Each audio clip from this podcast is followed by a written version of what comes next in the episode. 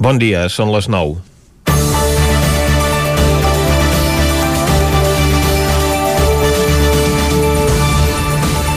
Ahir era el dia en què s'havia de posar en funcionament la T-Mobilitat, la targeta que ha de revolucionar l'ús dels sistemes de transports inclosos a l'autoritat del transport metropolità. La seva implantació ha de permetre eliminar els bitllets de cartró i accedir al transport públic amb una targeta de plàstic recarregable que costarà 4 euros i mig quan es compri per primera vegada o amb el mòbil. En una primera fase d'implantació, la T-Mobilitat no estaria operativa en el territori 17. El que s'havia d'iniciar ahir era el seu funcionament en 36 municipis, els inclosos en la primera corona tarifària, i només per usuaris habituals, els que adquirissin la targeta que actualment es denomina T usual, o bé les T jove i abonaments trimestrals. En un futur, el que està previst és que aquesta targeta permeti canviar el sistema tarifari i pagar per quilometratge, amb un model que encara està per definir. Ara ja es parla d'un nou termini d'implantació que podria ser a partir de l'estiu, i aquest nou retard no sorprèn ningú, per més que l'anunci de la data del 21 d'abril es donés fa només dos mesos. Es tracta només de l'anèsim retard d'un projecte que quan es va presentar era tecnològicament revolucionari i que quan s'arribi a implantar en la seva totalitat ja semblarà arcaic. Fa tants anys que se'n parla del seu desenvolupament que en aquest cas la pandèmia no serveix ni d'excusa, sinó que ha estat l'imponderable perfecte per permetre una pròrroga a la seva implantació que inicialment havia d'estar activa ara fa un any, l'últim termini previst. De fet, ja fa dos anys que es van començar a instal·lar els sistemes de lectura digital del tipus contactless a les màquines cancel·ladores. Els podem veure instal·lats a totes les nostres estacions i en línies d'autobús interurbà, i és que precisament són ferrocarrils a la Generalitat i Renfe Rodalies els que estan més avançats en la implantació del nou model per sorprenent que pugui semblar. El problema rau en transports metropolitans a Barcelona, que és aquí se li acumulen els problemes i no tenen fets els deures a temps. I de qui depèn Transports Metropolitans de Barcelona? Doncs sí, del govern metropolità més progressista de la història. Aquest model que es va desenvolupar en temps de l'alcalde Xavier Trias, quan va presentar un pla de mobilitat urbana, resulta que el tenen encallat els que estan pintant la ciutat de coloraines per reduir els carrils de circulació de cotxes. Els mateixos que estan posant traves als vehicles més antics en pro d'una ciutat més sostenible i sense contaminació. Faltaria més, no cal ni discutir-ho. Ara, són els mateixos que promulguen que per anar a Barcelona es deixi el cotxe a Blanes o a Manresa i s'agafi el tren lent, impuntual i que passa cada vegada a saber quan, que llavors resulta que no centren els seus esforços en mobilitat per millorar el transport públic ni per posar-lo al nivell d'una ciutat que es considera moderna i cosmopolita en aquells àmbits que són de la seva estricta competència. Comencem Territori 17, a la sintonia del 9 FM, la veu de Sant Joan, Ona Codinenca, Ràdio Cardedeu i el 9 TV. Territori 17, amb Vicenç Vigues i Jordi Sunyer.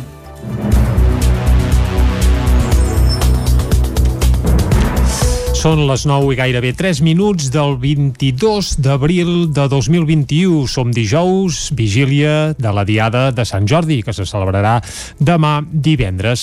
I ara mateix el que farem és arrencar un nou territori 17, que com sempre durant la primera hora us acostarà tota l'actualitat de les nostres comarques. Després, com que som dijous, les seccions habituals. Avui tindrem, per exemple, cinema amb la Núria Lázaro. També ens acompanyarà en Jordi Soler, que ens alegrarà interiorment. I acabarem al punt de les 12 amb el racó de pensar amb la Maria López pel camí, també descobrirem algun racó del nostre territori, avui anirem a Caldes de Montbui, el Descobrim Catalunya, també passarem per la R3 i moltes coses més, des d'ara mateix i fins a les 12 del migdia. I com sempre, el que farem ara és arrencar tot posant-nos al dia amb l'actualitat de casa nostra, l'actualitat de les comarques del Ripollès, Osona, el Moianès i el Vallès Oriental.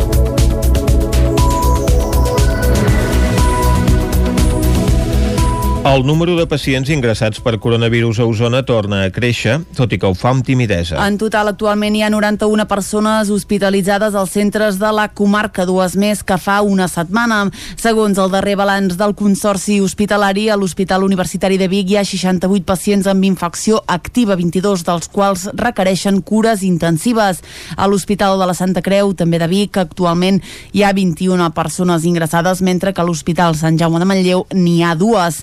El que sí que retrocedeix a Osona és el ritme de defuncions. Segons dades del Departament de Salut, al llarg dels últims set dies, tres persones han mort per causes relacionades al virus. Són 10 defuncions menys que la setmana anterior.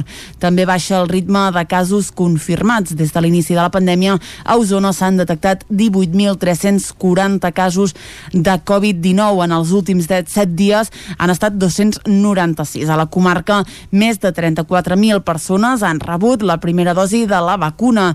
La segona ja s'ha administrat a gairebé 10.000 persones. La posada en marxa de la recollida de deixalles porta a porta a Manlleu continua depenent de la Generalitat. Si es concreta una subvenció d'un milió d'euros de l'Agència Catalana de Residus, el nou sistema arrencaria la tardor a les indústries i als comerços. El ple de l'Ajuntament de Manlleu va aprovar aquest dimarts per unanimitat l'estructura de costos del contracte del porta a porta i la neteja viària, un tràmit més en el procés per canviar el model de recollida de les deixalles. El gran interrogant, però, continua sent quan es podrà començar a implantar el porta a porta. Com a molt d'hora serà la tardor d'aquest any, quan arrencaria les indústries i els comerços. En els mesos següents, ja durant el 2022, en dues fases es desplegaria tot el municipi. Aquesta previsió es podrà materialitzar si es confirma una subvenció d'un milió d'euros de l'Agència Catalana de Residus. L'ajuda hauria de substituir la subvenció del fons FEDER a la qual Manlleu optava i que la Generalitat va decidir reorientar a causa de la pandèmia de Covid-19. Escoltem per aquest ordre a Maite Anglada, regidora de Medi Ambient de l'Ajuntament de Manlleu, a Marta Moreta, portaveu del PSC a l'Ajuntament i Albert Generó, portaveu de la CUP. En el cas de que l'ajuda no sigui la que esperem o que no arribés, us emplaço a que tots puguem reflexionar molt seriosament, perquè si bé de moment l'empresa de recollida de residus d'Osona, malgrat que hagi acabat la seva vigència, està en pròrroga i ens continuarà prestant el servei, hem de reflexionar en com preveiem aquest futur per Manlleu. Pensem en el gran increment que suposarà el cànon de l'abocador d'Uris. Realment el que hauríem de fer és reflexionar perquè la Generalitat de Catalunya eh, treu una subvenció que estava destinada eh, a l'Ajuntament de Manlleu i no la retorna.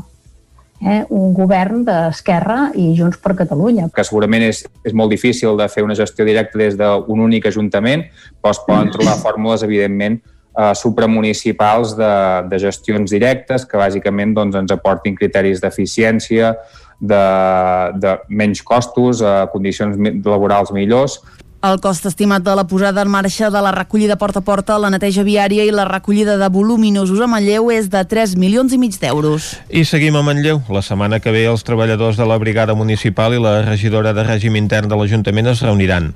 Serà la primera trobada després d'un mes de protestes diàries dels integrants de la brigada que s'asseuen cada matí davant del consistori per reclamar la millora dels salaris. Fa un mes que cada dia laborable la major part dels treballadors de la brigada de Manlleu s'asseuen a la plaça Fra Bernadí durant 20 minuts en la pausa que tenen per esmorzar.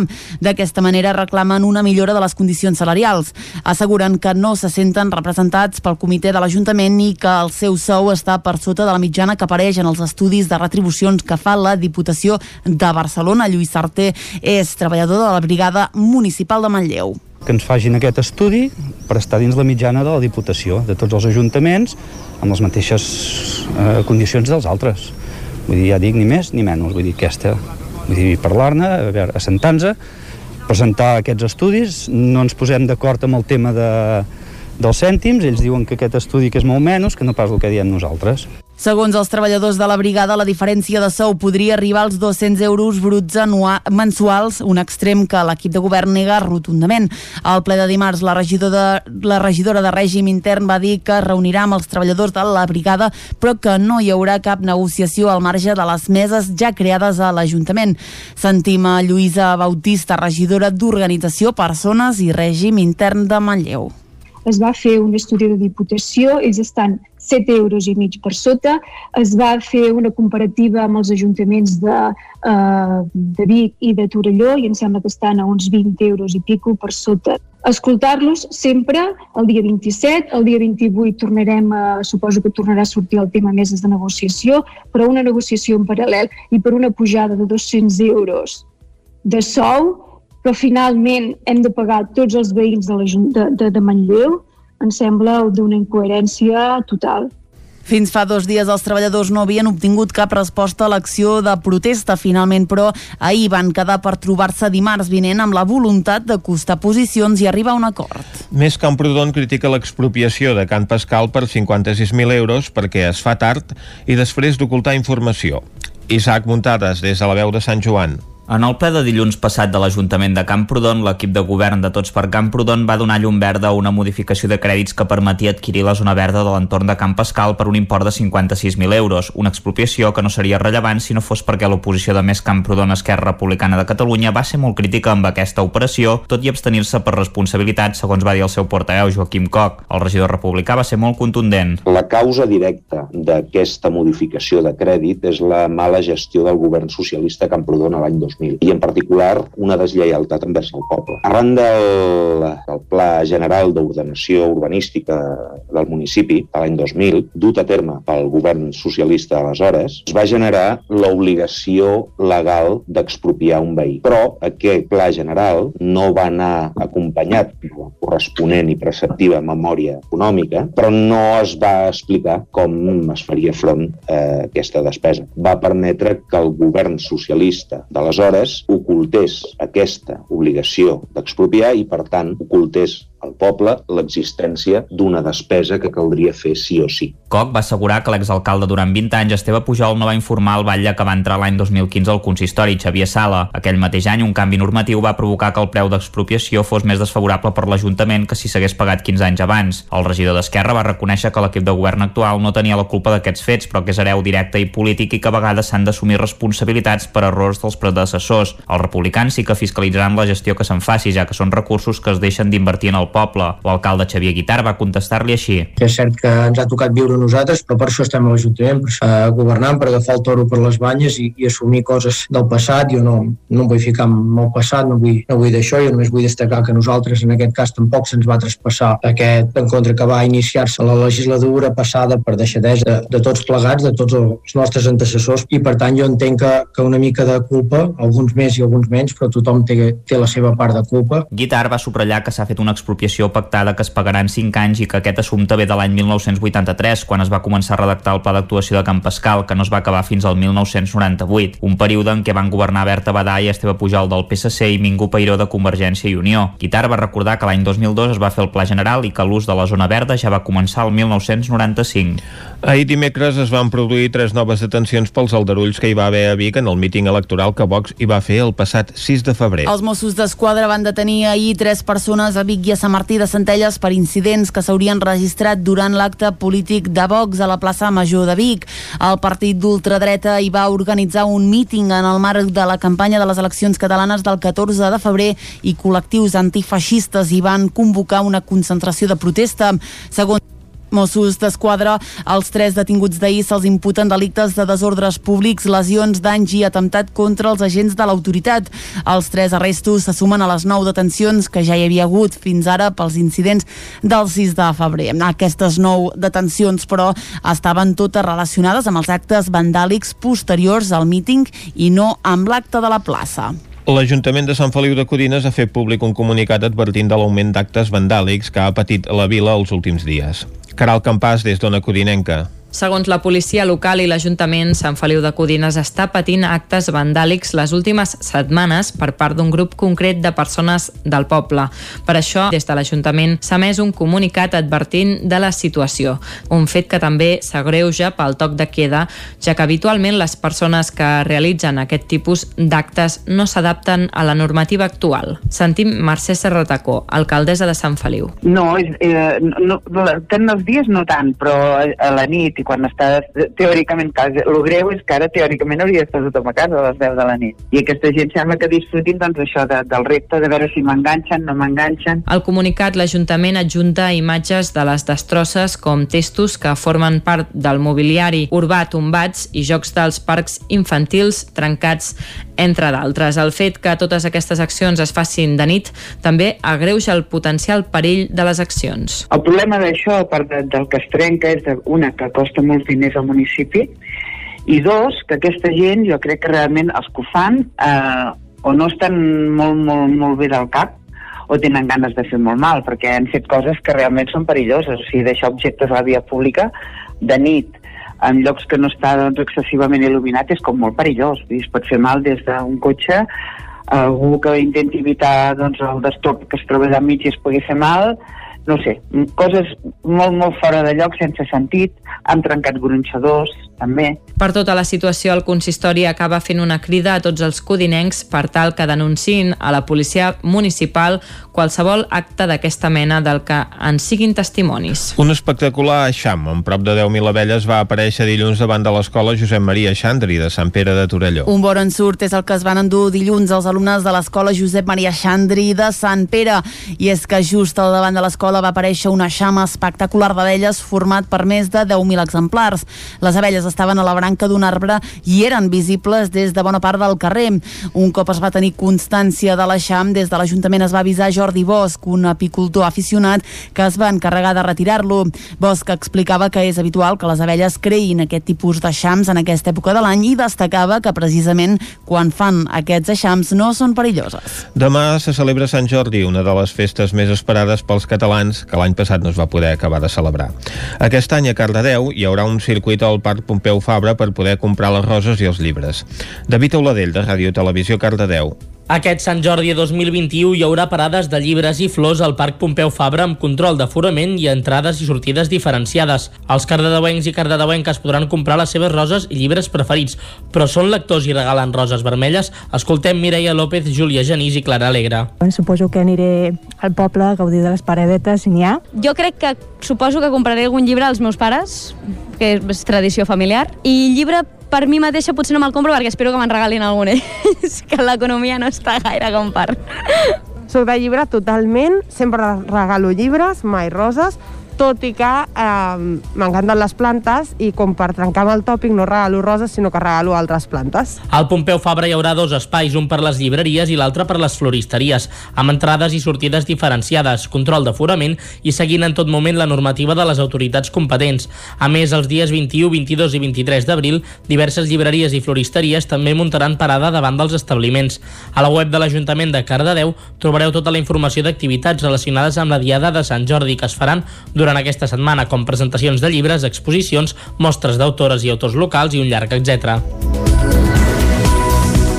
I fins aquí el butlletí que us hem ofert amb Vicenç Vigues, Clàudia Dinarès, David Auladell, Caral Campàs i Isaac Muntades. I ara seguim i parlem del temps.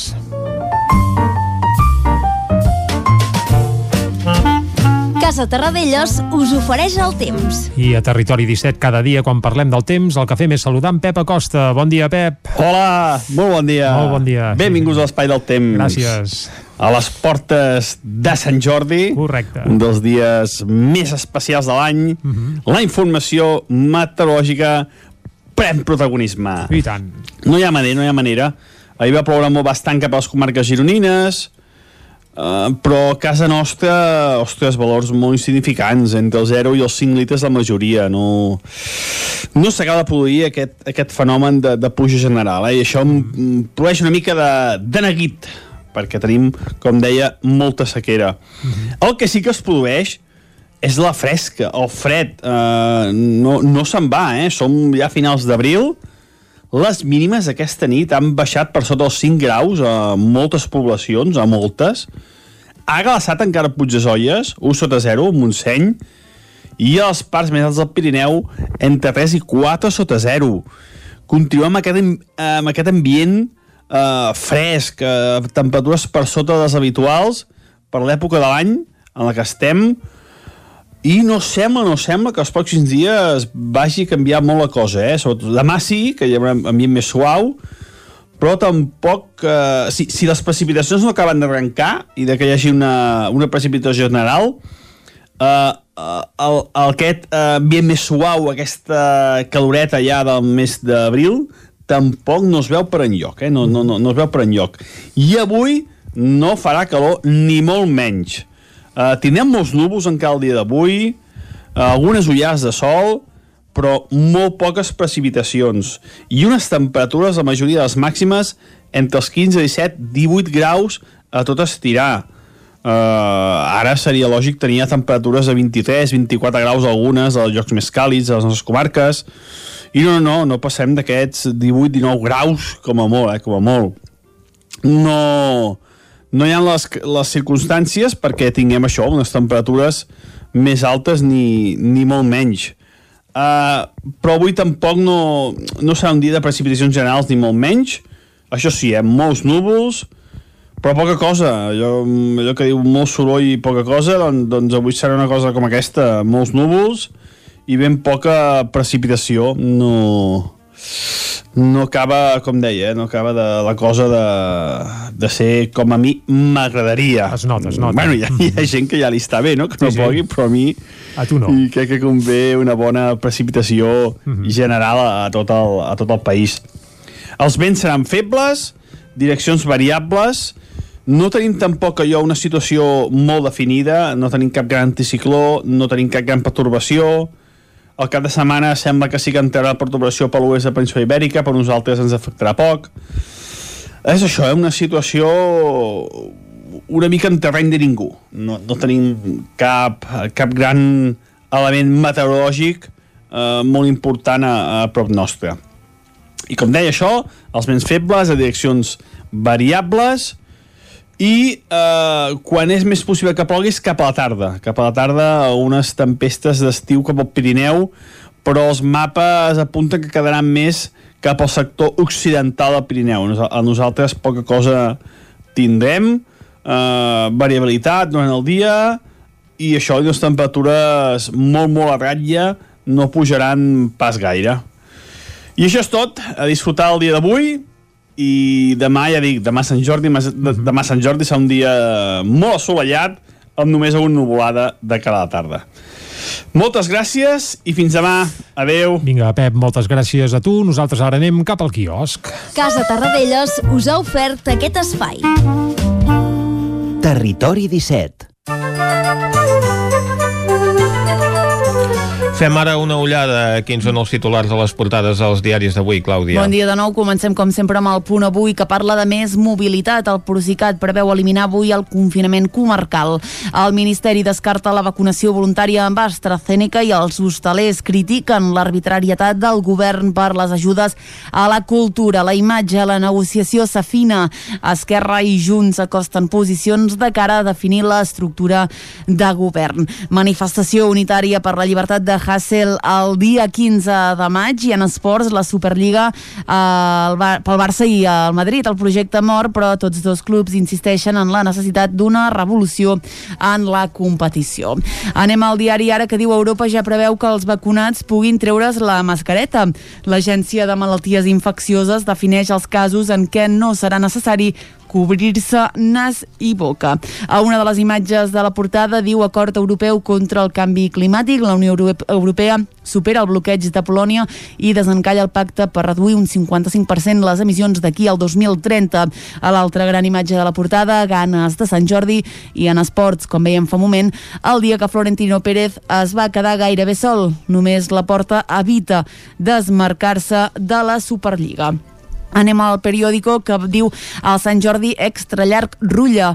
Les llibreries certifiquen un repunt de les vendes des de divendres en la celebració espaiada de la Diada marcada una altra vegada per la Covid-19. En clau internacional, Europa exhibeix davant Biden un pla climàtic audaç. Washington trenca amb l'era Trump en la cita virtual d'avui.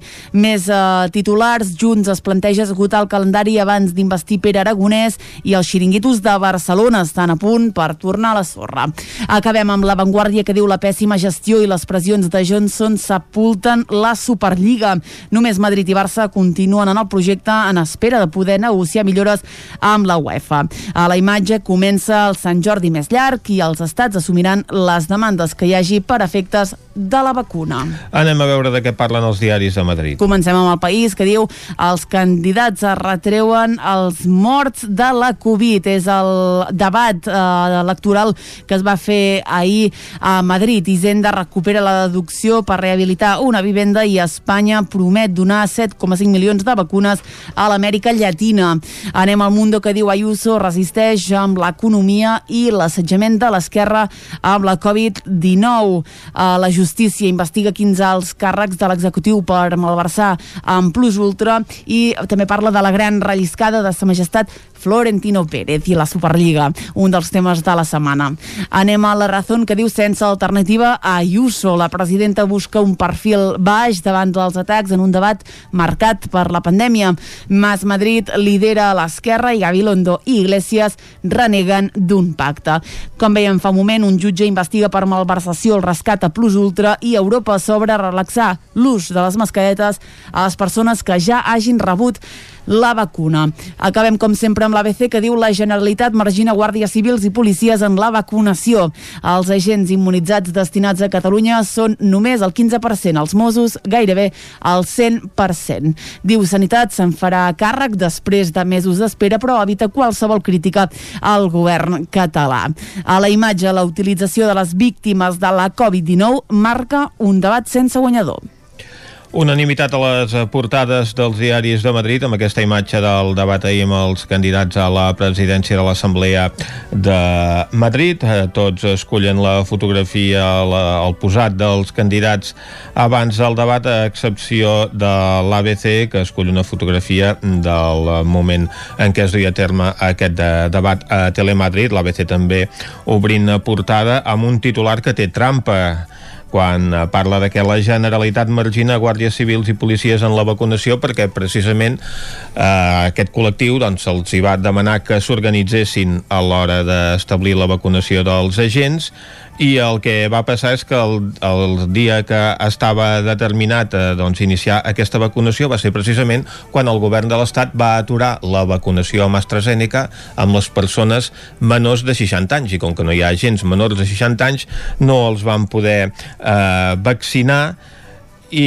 en canvi doncs, quan parla d'aquest 100% eh, de vaccinació entre Mossos d'Esquadra no tenen en compte que a Mossos d'Esquadra, policies i locals i professionals essencials només se'ls ha administrat la primera dosi de la vacuna i tothom està a expenses del que determini el Ministeri de Sanitat sobre aquests col·lectius que han rebut la primera dosi d'AstraZeneca però encara no saben quina serà la segona. Fem una pausa i tornem de seguida. El nou FM, la ràdio de casa, al 92.8. Rètols 2A. Experts en comunicació visual. Rètols, banderoles, vinils, impressió, plaques gravades, senyalització, display... Rètols 2 Art. Ja són 25 anys al vostre servei. Ens trobareu a la carretera de Vic a Olot, número 7, al polígon Malloles de Vic. dosartvic.com Telèfon 93 889 2588. Aquesta primavera, per estar bé a casa, vine a Mobles Verdolet. Sofàs, sales d'estudi, dormitoris, menjadors i molt més. Mobles fets a mida. Mobles Verdolet. Ens trobareu al carrer Morgades 14 de Vic i al carrer Nou 44 de Torelló i també a moblesverdolet.com. Cocodril Club. Si t'agrada la bona música dels anys 60, 70 i 80, escolta el 9 FM als matins de dissabtes i diumenges d'11 a 1. És el temps del Cocodril Club, tot un clàssic de la ràdio, amb les bases del pop-rock, les llegendes, les cançons que s'han convertit en autèntics himnes. Recorda, dissabtes i diumenges al matí, d'11 a 1, al 9 FM 92.8. Cocodril Club, el programa revival de l'Albert Malla. Hasta luego. A Aquari Jordi hi trobaràs periquitos, canaris i tot tipus d'ocells, conills, hàmster, ratolins, rates índies, peixos tropicals i molt més. Aquaris, tortugues, joguines i tots els complements i menjars per tot tipus d'animals. Vine a informar-te de totes les nostres ofertes. Aquari Jordi som al carrer Nou número 34 de Vic i també a Instagram. Vols gaudir d'un bon arròs a casa sense no haver d'embrutar ni preocupar-te per res? La Fogonera, paelles per emportar. Un seguit de paelles, tapes, platets i postres casolans pensats per a paladars exigents. Ara més fem menús per a petits grups de comensals. La Fogonera, la rosseria de paelles per emportar gurb i que també et portem a casa. Telèfon 93 851 55 75 i a lafogonera.cat.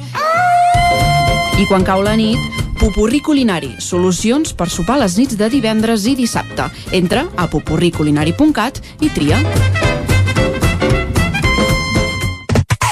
Pintures Xavi Soler. Tot en pintures. Façanes, obra nova, rehabilitacions interiors de vivenda, estucs, microciments, pintura industrial, motllures, terres vinílics... Pintures Xavi Soler. Ens agrada assessorar-vos i fer de casa vostra el millor lloc del món. Ens trobareu a Manlleu, al carrer Sogorb 113, telèfon 616 15 87 33 o 93 851 3504. El nou FM, la ràdio de casa, al 92.8.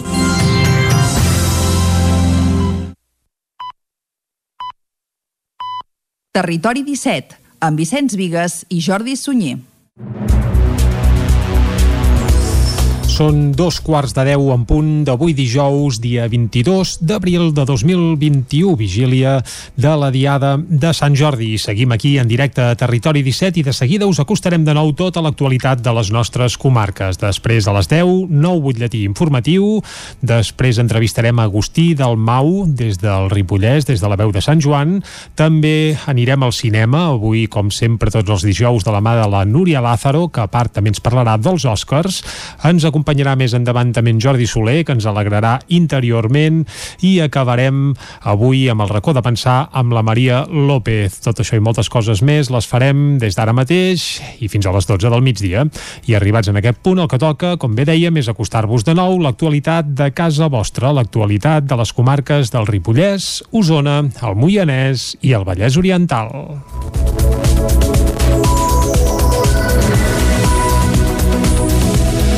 El número de pacients ingressats per coronavirus a Osona torna a créixer, tot i que ho fa amb timidesa. En total, actualment hi ha 91 persones hospitalitzades als centres de la comarca, dues més que fa una setmana. Segons el darrer balanç del Consorci Hospitalari, a l'Hospital Universitari de Vic hi ha 68 pacients amb infecció activa, 22 dels quals requereixen cures intensives. A l'Hospital de la Santa Creu, també de Vic, actualment hi ha 21 persones ingressades, mentre que a l'Hospital Sant Jaume de Manlleu n'hi ha dues. El que sí que retrocedeix a Osona és el ritme de defuncions. Segons dades del Departament de Salut, al llarg dels últims set dies, tres persones han mort per causes relacionades al virus. Són 10 defuncions menys que la setmana anterior. També baixa el ritme de casos confirmats. Des de l'inici de la pandèmia, a Osona s'han detectat 18.340 casos de Covid-19. En els últims 7 dies han estat 296. A la comarca, més de 34.000 persones han rebut la primera dosi de la vacuna. La segona ja s'ha administrat a gairebé 10.000 persones. La posada en marxa de la recollida de deixalles porta a porta a Manlleu continua depenent de la Generalitat. Si es concreta una subvenció d'un milió d'euros de l'Agència Catalana de Residus, el nou sistema arrencaria la tardor a les indústries i als comerços. El ple de l'Ajuntament de Manlleu va aprovar aquest dimarts per unanimitat l'estructura de costos del contracte del porta a porta i la neteja viària, un tràmit més en el procés per canviar el model de recollida de les deixalles. El gran interrogant, però, continua sent quan es podrà començar a implantar el porta a porta. Com a molt d'hora serà la tardor d'aquest any, quan arrencaria les indústries i els comerços. En els mesos següents, ja durant el 2022, en dues fases es desplegaria tot el municipi. Aquesta previsió es podrà materialitzar si es confirma una subvenció d'un milió d'euros de l'Agència Catalana de Residus. L'ajuda hauria de substituir la subvenció del fons FEDER a la qual Manlleu optava i que la Generalitat va decidir reorientar a causa de la pandèmia de Covid-19. Escoltem per aquest ordre a Maite Anglada, regidora de Medi Ambient de l'Ajuntament de Manlleu, a Marta Moreta, portaveu del PSC a l'Ajuntament i Albert Generó, portaveu de la CUP. En el cas de que l'ajuda no sigui la que esperem o que no arribés, us emplaço a que tots puguem reflexionar molt seriosament, perquè si bé de moment l'empresa de recollida de residus d'Osona, malgrat que hagi acabat la seva vigència, està en pròrroga i ens continuarà prestant el servei, hem de reflexionar en com preveiem aquest futur per Manlleu. Pensem en el gran increment que suposarà el cànon de l'abocador d'Uris. Realment el que hauríem de fer és reflexionar perquè la Generalitat de Catalunya eh, treu una subvenció que estava destinada eh, a l'Ajuntament de Manlleu i no la retorna. Eh, un govern d'Esquerra i Junts per Catalunya. Que segurament és, és molt difícil de fer una gestió directa des d'un únic ajuntament, però es poden trobar fórmules, evidentment, eh, supramunicipals de, de gestions directes que bàsicament doncs, ens aportin criteris d'eficiència, de, de menys costos, eh, condicions laborals millors El cost estimat de la posada en marxa de la recollida porta a porta, la neteja viària i la recollida de voluminosos a Manlleu és de 3 milions i mig d'euros. I seguim a Manlleu. La setmana que ve els treballadors de la brigada municipal i la regidora de règim intern de l'Ajuntament es reuniran. Serà la primera trobada, després d'un mes de protestes diàries dels integrants de la brigada, que s'asseuen cada matí davant del consistori per reclamar la millora dels salaris. Fa un mes que cada dia laborable la major part dels treballadors de la brigada de Manlleu s'asseuen a la plaça Fra Bernadí durant 20 minuts en la pausa que tenen per esmorzar. D'aquesta manera reclamen una millora de les condicions salarials. Asseguren que no se senten representats pel comitè de l'Ajuntament i que el seu sou està per sota de la mitjana que apareix en els estudis de retribucions que fa la Diputació de Barcelona. Lluís Sarté és treballador de la Brigada Municipal de Manlleu que ens fagin aquest estudi per estar dins la mitjana de la Diputació, de tots els ajuntaments, amb les mateixes eh, condicions dels altres.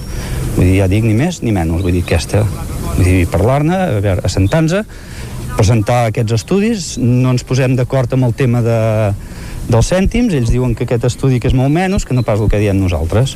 Segons els treballadors de la brigada, la diferència de sou podria arribar als 200 euros bruts mensuals, un extrem que l'equip de govern nega rotundament. Al ple de dimarts, la regidora, de, la regidora de règim intern va dir que reunirà amb els treballadors de la brigada, però que no hi haurà cap negociació al marge de les meses ja creades a l'Ajuntament. Sentim a Lluïsa Bautista, regidora d'Organització, Persones i Règim Intern de Manlleu es va fer un estudi de diputació, ells estan 7 euros i mig per sota, es va fer una comparativa amb els ajuntaments de, uh, de Vic i de Torelló i em sembla que estan a uns 20 euros i pico per sota. Escoltar-los sempre el dia 27, el dia 28 tornarem a, suposo que tornarà a sortir el tema més de negociació, però una negociació en paral·lel i per una pujada de 200 euros de sou que finalment hem de pagar tots els veïns de, la, de, de, de Manlleu, em sembla d'una incoherència total. Fins fa dos dies els treballadors no havien obtingut cap resposta a l'acció de protesta. Finalment, però, ahir van quedar per trobar-se dimarts vinent amb la voluntat de costar posicions i arribar a un acord. Més Camprodon critica l'expropiació de Can Pascal per 56.000 euros perquè es fa tard i després d'ocultar informació. Isaac Muntades, des de la veu de Sant Joan.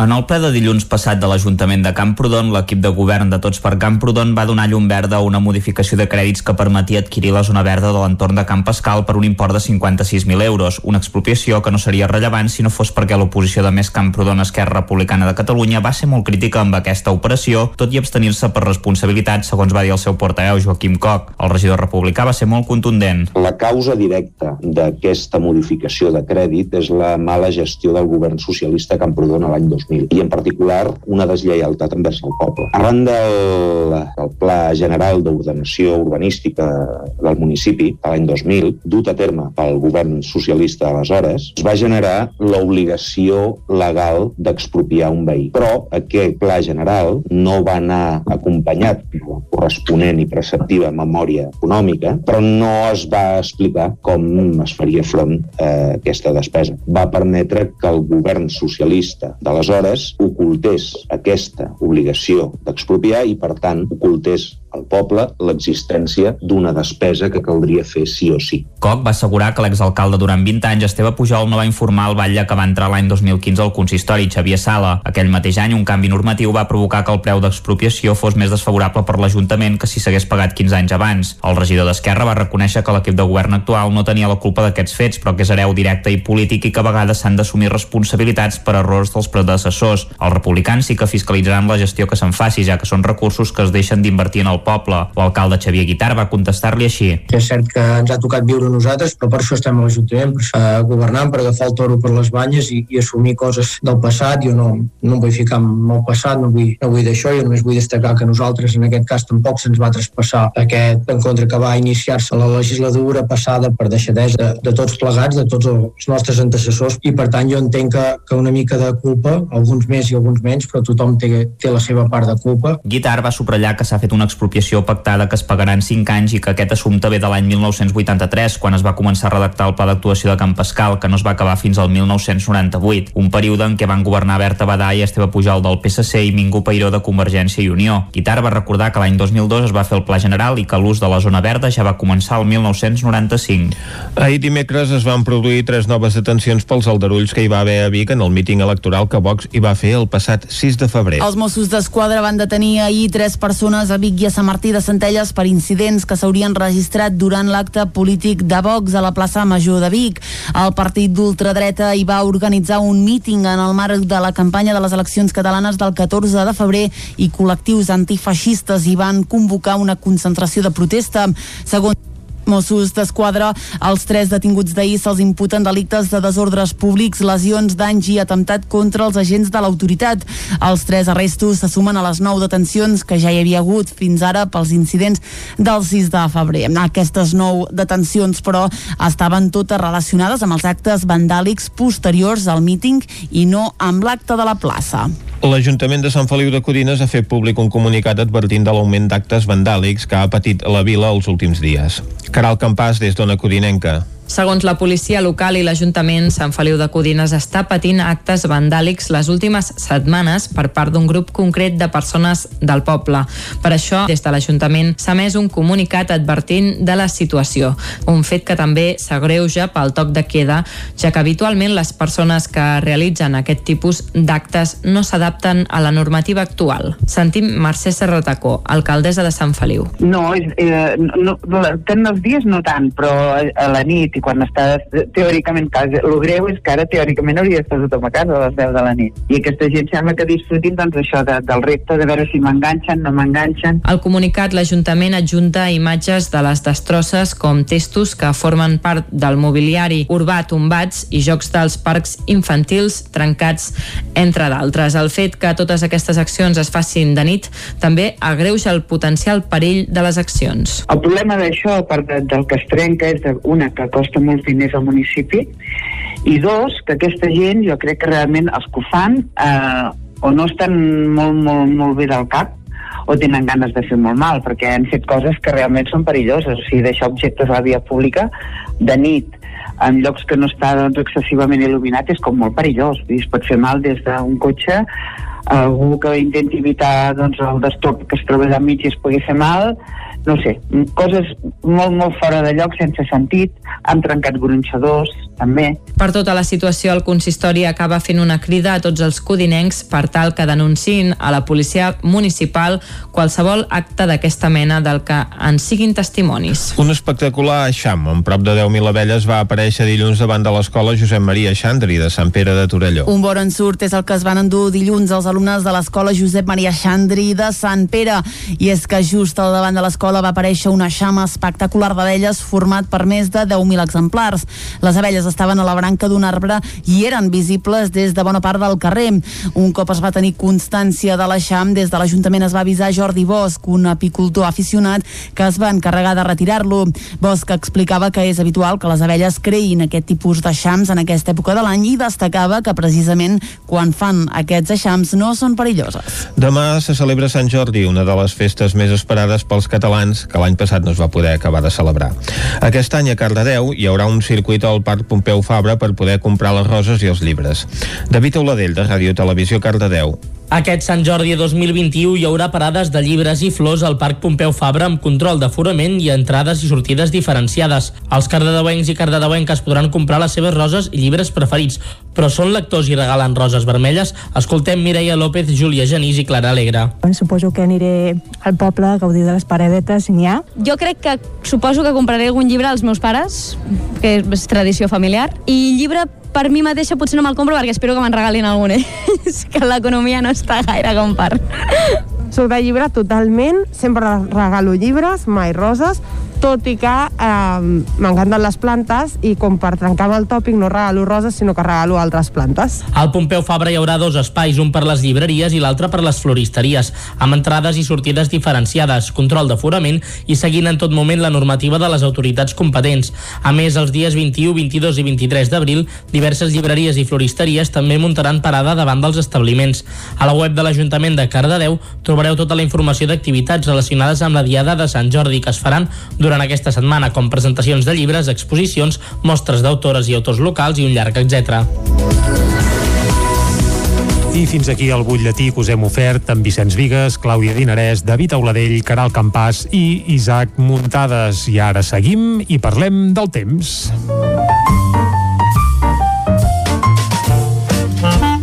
Casa Terradellos us ofereix el temps. I a Territori 17 cada dia quan parlem del temps el que fem és saludar en Pep Acosta. Bon dia, Pep. Hola, molt bon dia. Molt bon dia. Benvinguts a l'Espai del Temps. Gràcies. A les portes de Sant Jordi. Correcte. Un dels dies més especials de l'any. Uh Mhm. -huh. La informació meteorològica pren protagonisme. I tant. No hi ha manera, no hi ha manera. Ahir va ploure molt bastant cap a les comarques gironines, Uh, però a casa nostra, ostres, valors molt insignificants, entre el 0 i els 5 litres la majoria, no, no s'acaba de produir aquest, aquest fenomen de, de pluja general, eh? i això em, produeix una mica de, de neguit, perquè tenim, com deia, molta sequera. El que sí que es produeix és la fresca, el fred, uh, no, no se'n va, eh? som ja a finals d'abril, les mínimes aquesta nit han baixat per sota els 5 graus a moltes poblacions, a moltes. Ha glaçat encara Puigdesolles, 1 sota 0, a Montseny, i a les parts més altes del Pirineu, entre 3 i 4 sota 0. Continuem amb aquest, amb aquest ambient eh, fresc, eh, temperatures per sota de les habituals, per l'època de l'any en la que estem, i no sembla, no sembla que els pròxims dies vagi a canviar molt la cosa, eh? Sobretot demà sí, que hi haurà ambient més suau, però tampoc... Eh, si, si les precipitacions no acaben d'arrencar i de que hi hagi una, una precipitació general, eh, eh, el, el, aquest eh, ambient més suau, aquesta caloreta ja del mes d'abril, tampoc no es veu per enlloc, eh? no, no, no, no es veu per enlloc.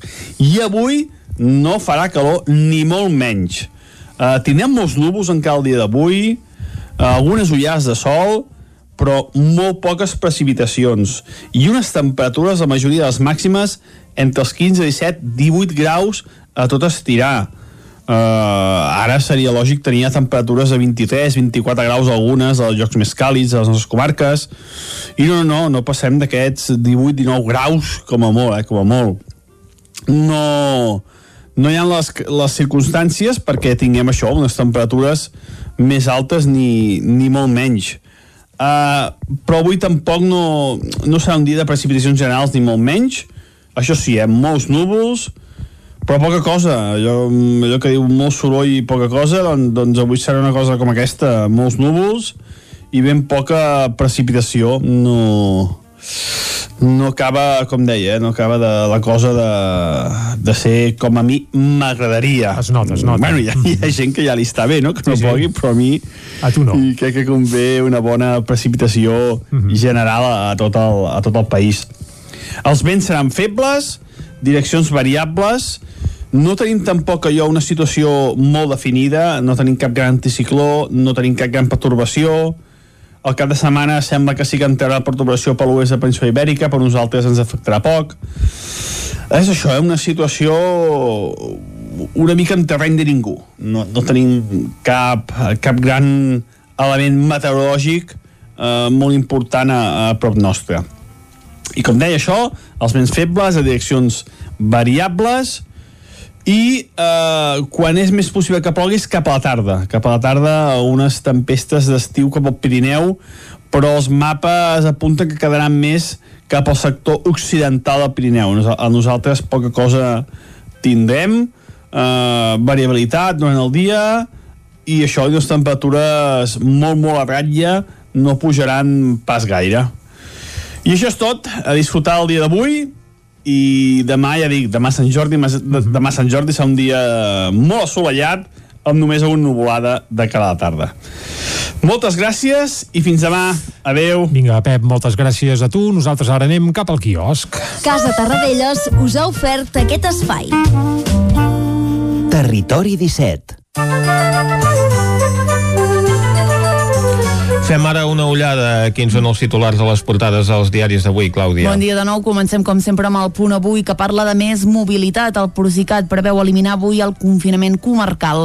El Ministeri descarta la vacunació voluntària amb AstraZeneca i els hostalers critiquen l'arbitrarietat del govern per les ajudes a la cultura. La imatge, la negociació s'afina. Esquerra i Junts acosten posicions de cara a definir l'estructura de govern. Manifestació unitària per la llibertat de Hassel el dia 15 de maig i en esports la Superliga eh, Bar pel Barça i el Madrid. El projecte mor, però tots dos clubs insisteixen en la necessitat d'una revolució en la competició. Anem al diari ara que diu Europa ja preveu que els vacunats puguin treure's la mascareta.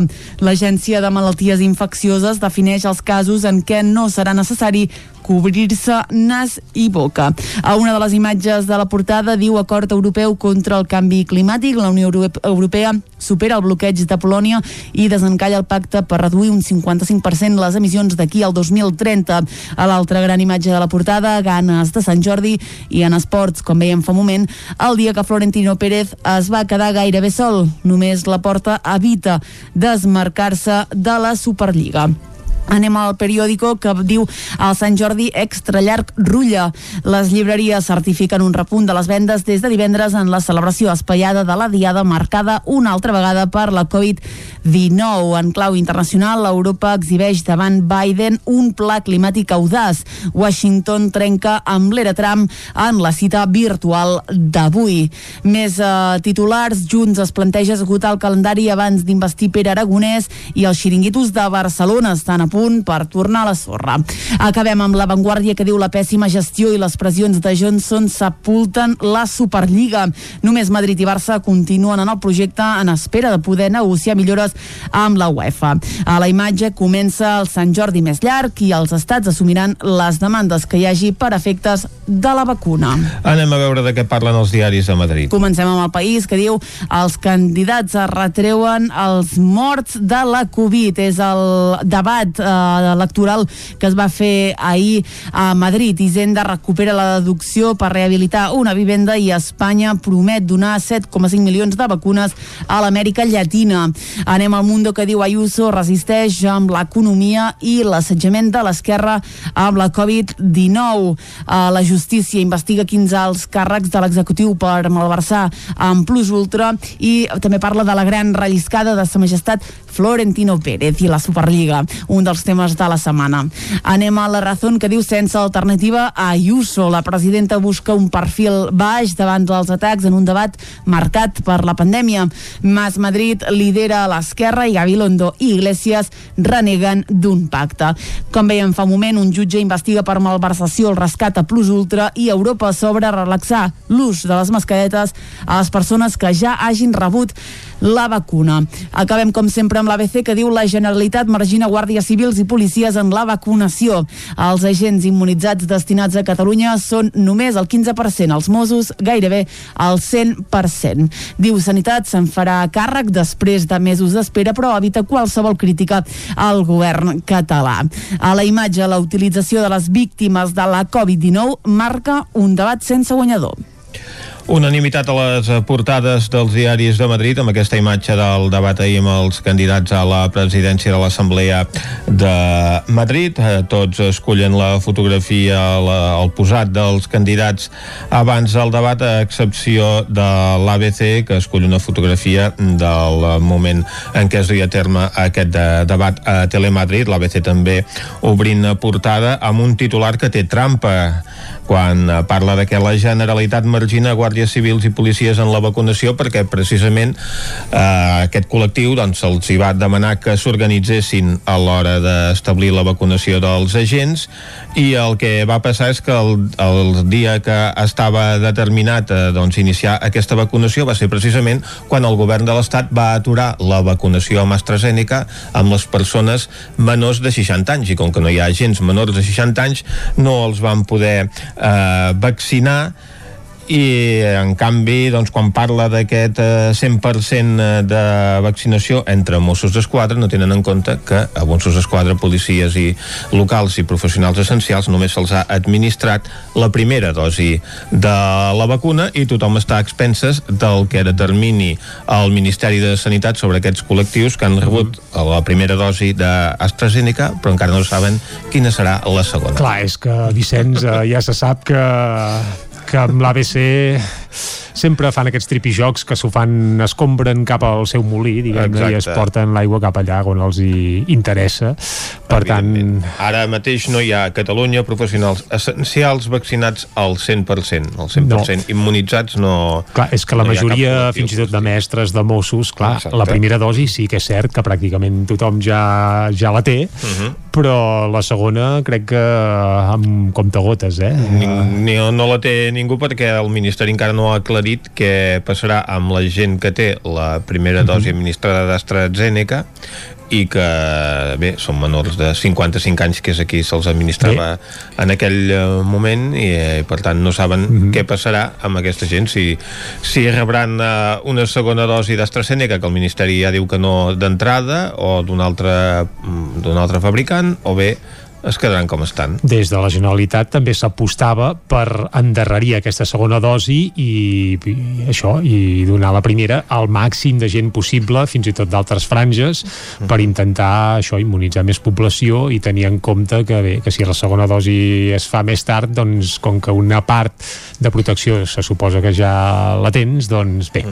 tot plegat és una mica complicat, eh? això de les vacunes cada dia hi ha capítols nous i, I tant. costa, costa de seguir, per això ara si et sembla deixarem el capítol vaccinació Molt bé. i ens posarem una mica més terrenals o no, perquè parlarem de música com fem sempre fins a arribar al punt de les 10 aquí a Territori 17 i avui ho farem per descobrir una veu molt interessant del panorama nacional nostrat i ho farem amb una excusa eh? l'excusa és que aquest cap de setmana serà a Manlleu on ja fa uns quants dies que estan programant tot tipus de concerts i actes en el marc de la Primavera Encantada i aquesta Primavera Encantada doncs això, eh, primer ha permès ressuscitar el Teatre Centre de Manlleu cosa que celebrem perquè ja s'hi han programat uns quants actes, molts d'ells musicals i per exemple aquest dissabte 24 d'abril, l'endemà de Sant Jordi qui es patacarà és l'Anna Andreu qui és l'Anna Andreu? Doncs és una cantautora així de rotllo indie, folk eh, una mica alternativa eh, que va debutar amb un primer disc que es diu Els mals costums, el seu primer disc en solitari, el va treure fa un any llarguet, per tant ja té cert recorregut aquest disc, i dissabte serà al Teatre Centre de Manlleu a partir de les 7 de la tarda presentant en directe precisament aquest disc i alguna altra sorpresa. I nosaltres el que farem avui és escoltar Uh, la Riuada és una peça d'aquest disc de l'Anna Andreu, que per cert és de Sant Quirze del Vallès, per tant uh -huh. tampoc la tenim tan lluny, és com si fos veïna nostra gairebé, de Territori 17 i uh, això el que escoltarem és La Riuada, que aquesta mateixa setmana precisament s'ha estrenat o s'ha reestrenat aquesta cançó amb un fantàstic videoclip molt i molt aconsellable. Per tant, parem bé l'orella i descobrim el talent de l'Anna Andreu, una d'aquestes joves eh, Promeses. Eh, promeses veus de l'escena catalana que podríem emmarcar allò Núria Grey amb gent més nostrada, eh? doncs eh, jo també hi posaria la- l'Anna Andreu eh, i ens sentirem a parlar, eh? perquè aquesta noia sona molt bé. Veure. L'escoltem, sí? Oh, i tant. Doncs vinga, que ve una riuada, eh? La riuada de l'Anna Andreu, amb això arribarem fins a les 10 aquí a Territori 17. Fins ara. prospera un pensament que detestes i es torna llum incandescent al capvespre ens hem begut l'enteniment però no em molesta Uau, uau, uau, uau.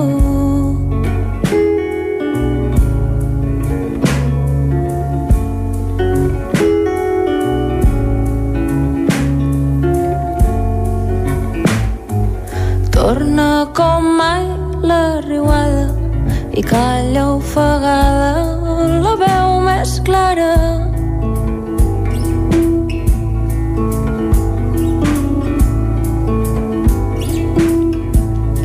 I sembla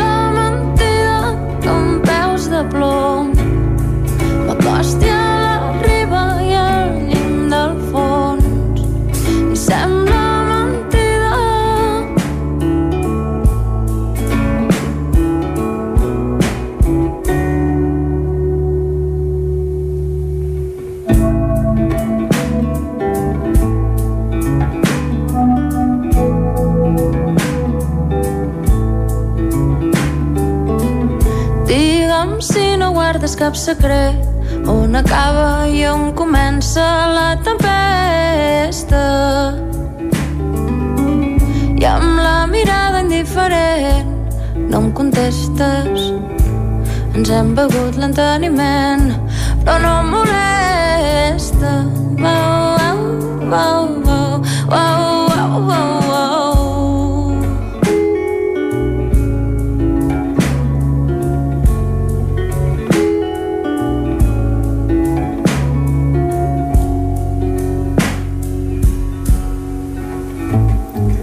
Torna com mai la riuada i calla ofegada la veu més clara.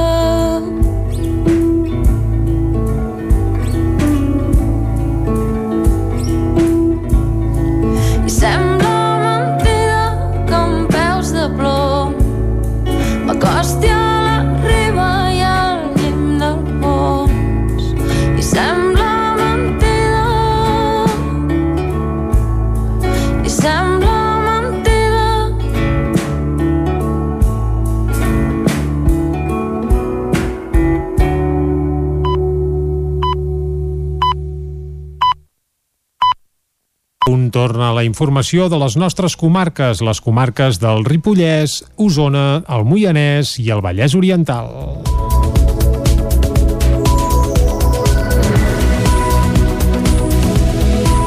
Els Mossos d'Esquadra denuncien un motociclista que va tenir un accident a Ribes de Freser per anar begut i triplicar la taxa d'alcohol permesa.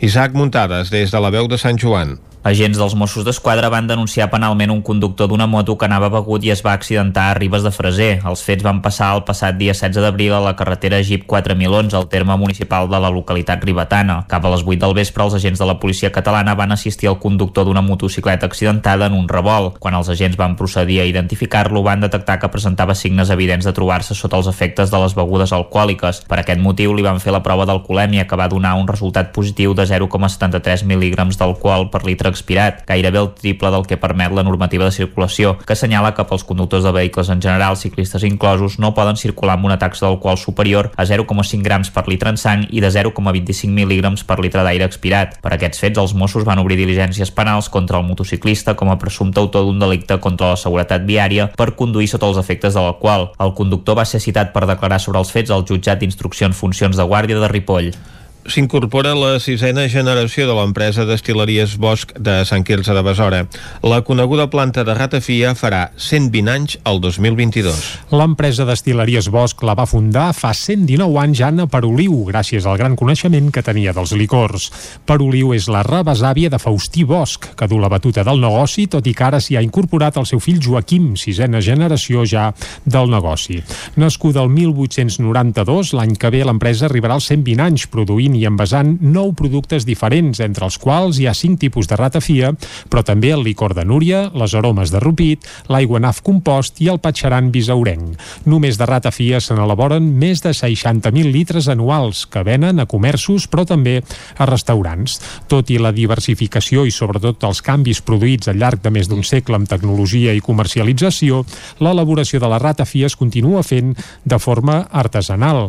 A distil·leries, a destileries Bosch, doncs, es fa tota la fabricació de forma casolana i també han fet tallers per a persones que en volen aprendre. L'auge de la ratafia com un licor de quilòmetre zero ha fet que des de fa dos anys hi hagi una indicació geogràfica protegida, una IGP, ratafia catalana, on Bosch hi és present juntament amb dues empreses més certificades. L'exportació d'aquest licor és un dels projectes que li tocarà entomar a la sisena generació d'una empresa arrelada a la terra, que Anna Peroliu, procedent de les valls de Camprodon, va establir a Sant Quirze i que el seu gendre, Faustí Bosch i Coll, va començar a comercialitzar. La ninotaire bigatana Pilarín Vallès va celebrar ahir el seu 80è aniversari. I ho va fer en plena forma, tot i un accident domèstic que va tenir fa uns dies que la va deixar amb un ull de vellut i dos dits trencats. Malgrat tot, no ha deixat de signar llibres de cara a Sant Jordi i fins i tot s'ha vist en cor de seguir dibuixant, una tasca que fa ininterrompudament des dels anys 60. Des de llavors, els seus dibuixos han il·lustrat centenars de llibres, sempre carregats d'un alt valor pedagògic. Actualment segueix activa i ella mateixa reconeix que és una addicta a la feina.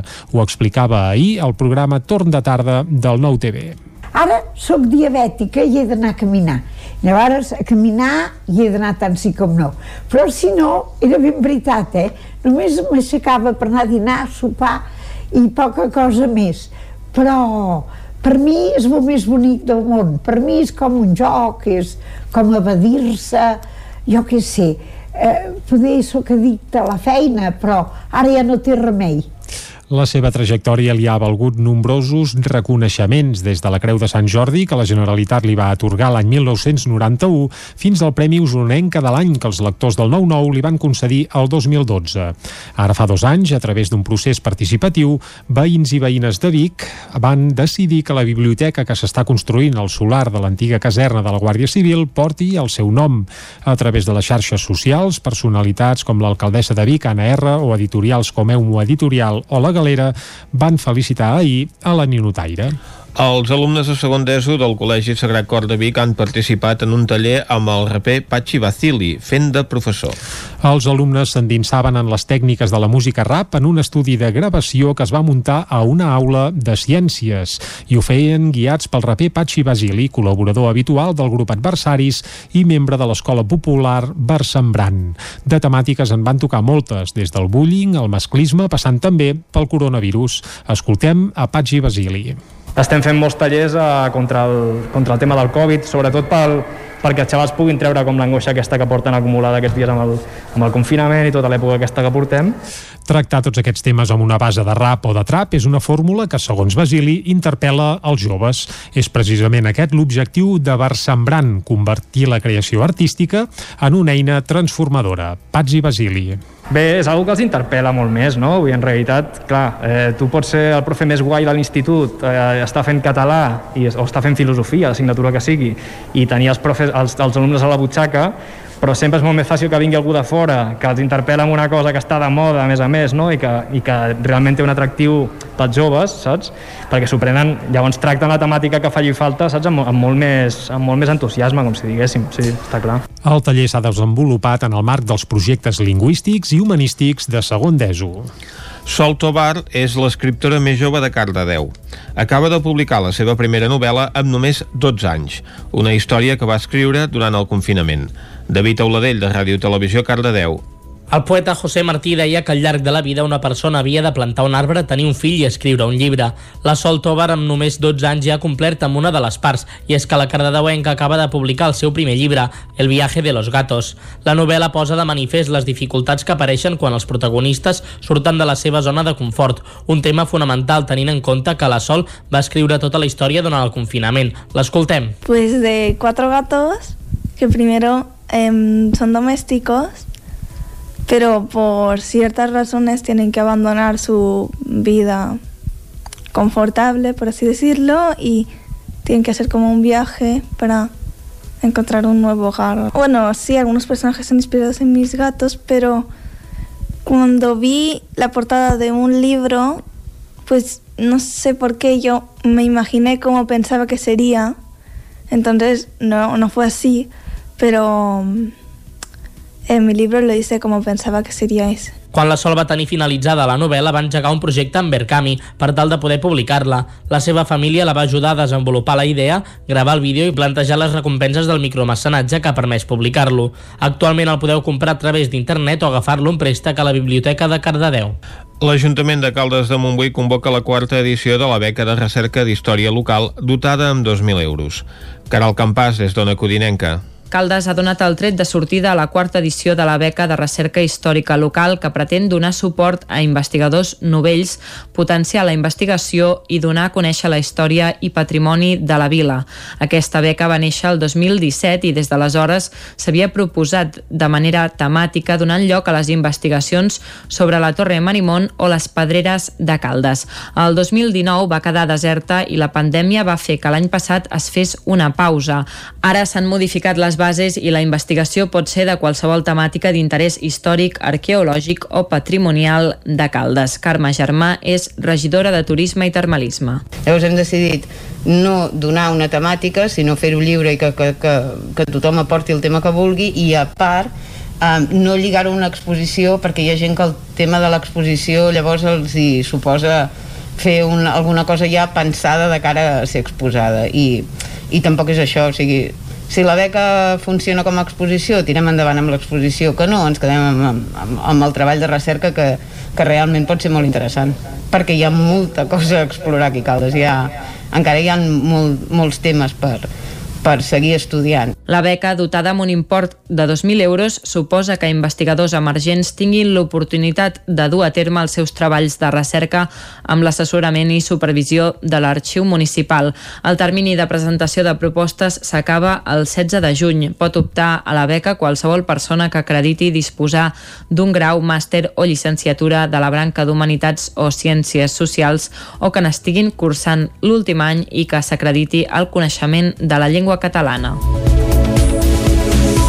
I fins aquí el butlletí informatiu de les 10 que us hem ofert amb Vicenç Vigues, Clàudia Dinarès, David Auladell, Caral Campàs i Isaac Muntades. I abans d'anar cap a l'entrevista, el que farem és un nou cop d'ull a la situació meteorològica.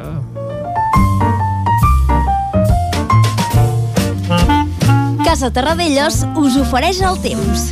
I per parlar del temps, saludem de nou el Pep Acosta. Bon dia, Pep. Hola, molt bon dia. I molt bona hora. Uh, tindrem molts núvols encara el dia d'avui, uh, algunes ullars de sol, però molt poques precipitacions. I unes temperatures, la majoria de les màximes, entre els 15, 17, 18 graus a tot estirar.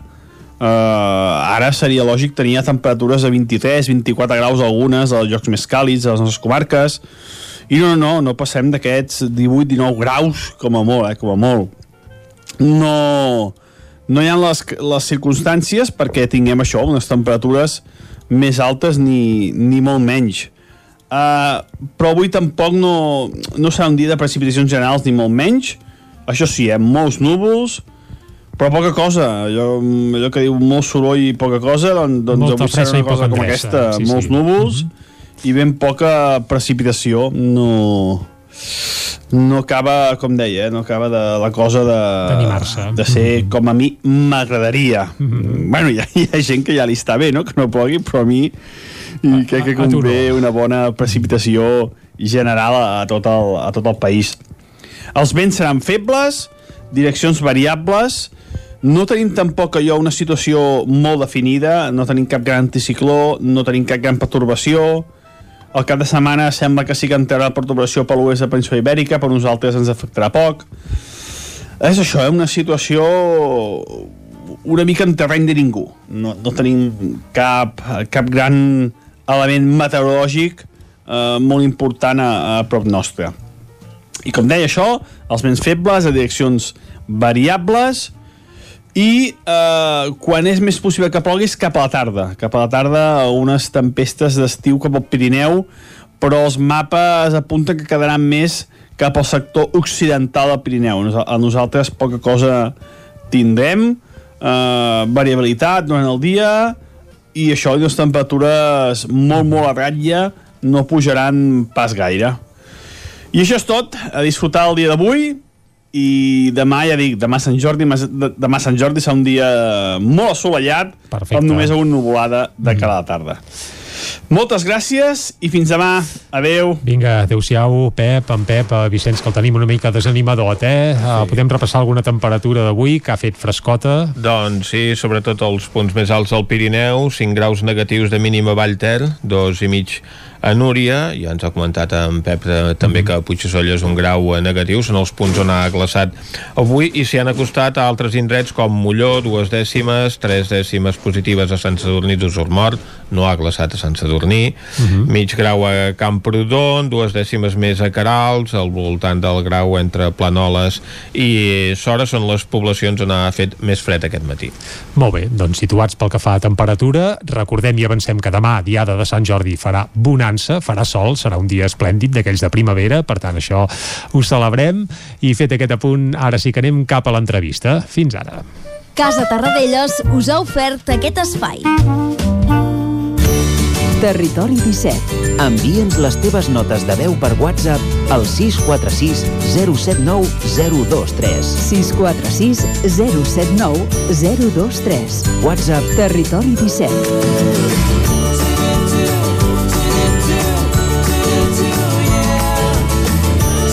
Territori 17. Som a Facebook, Twitter i Instagram amb l'usuari Territori 17.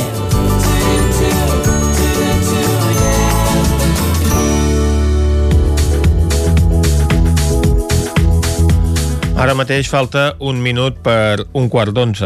L'arxiver i historiador ripollès Agustí Dalmau fa dos mesos va publicar un monogràfic dedicat a la història de Sant Pau de Segúries per la col·lecció Quaderns de la revista de Girona. Dalmau és una persona molt inquieta i li encanta seguir investigant. I és per això que ja ha publicat la seva nova obra que es titula La Vall de Núria desapareguda, un llibre històric de fotografies antigues de l'editorial F2. Anem cap a la veu de Sant Joan, que allà ens espera l'Isaac Muntades. Bon dia, Isaac.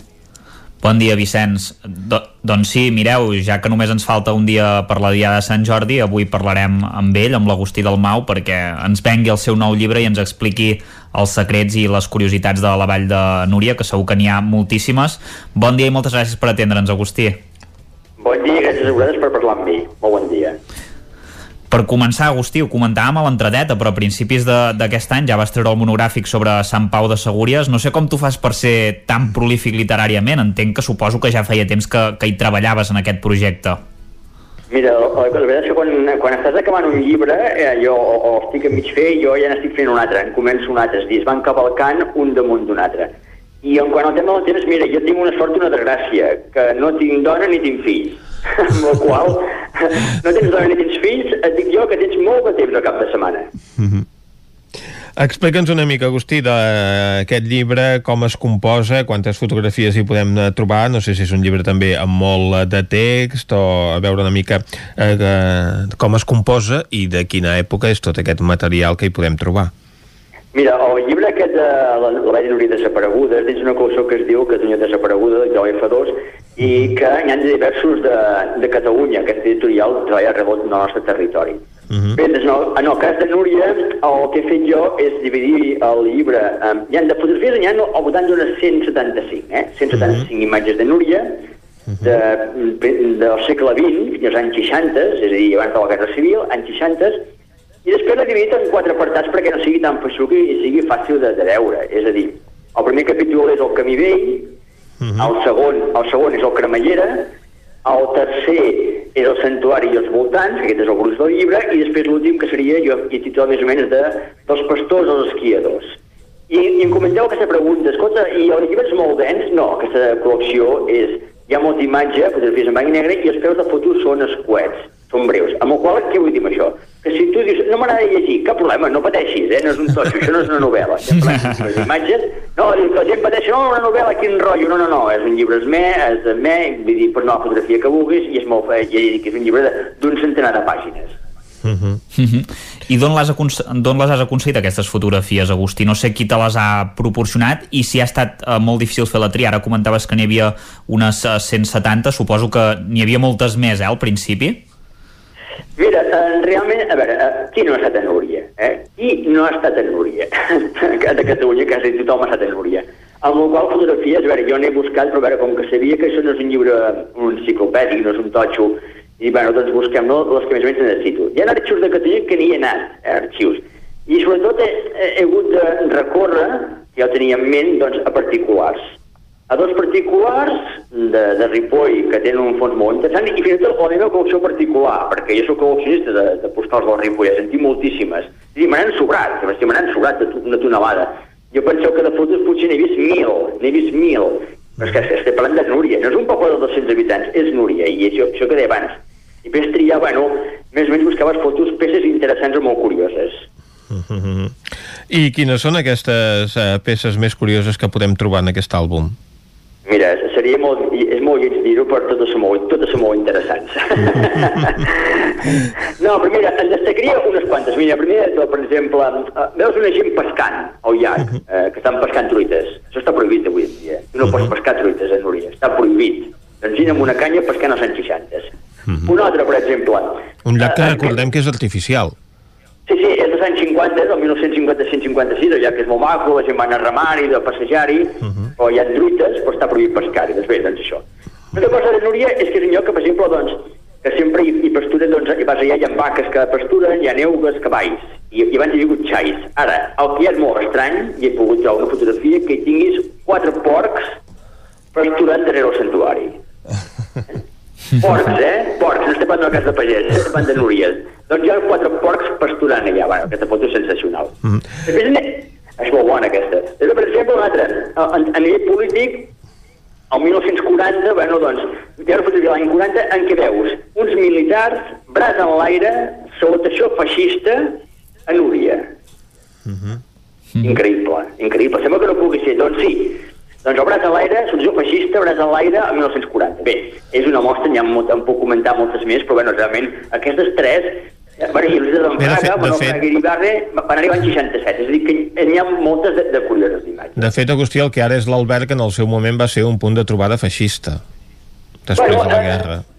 No, ho dius molt bé, mira, uh, va haver l'hotel Puigmal, a més uh, va ser, ara és el refugi al Pic de l'Àliga, és el refugi, però bueno, uh, uh, uh, uh, estem parlant dels anys 50 i 60 que a l'època del movimiento, eh, el movimiento, uh, el, el, el culto al cuerpo, tot allò, vull dir, el tema de l'esport, i, i bueno, doncs feien això. Més, més dir una cosa, que Núria, encara que no us ho cregueu, hi ha, hi ha dues fotografies molt bones. Una, un camp de futbol, camp de futbol, poca conya, camp de futbol amb porteries i tanques, i un camp de bàsquet.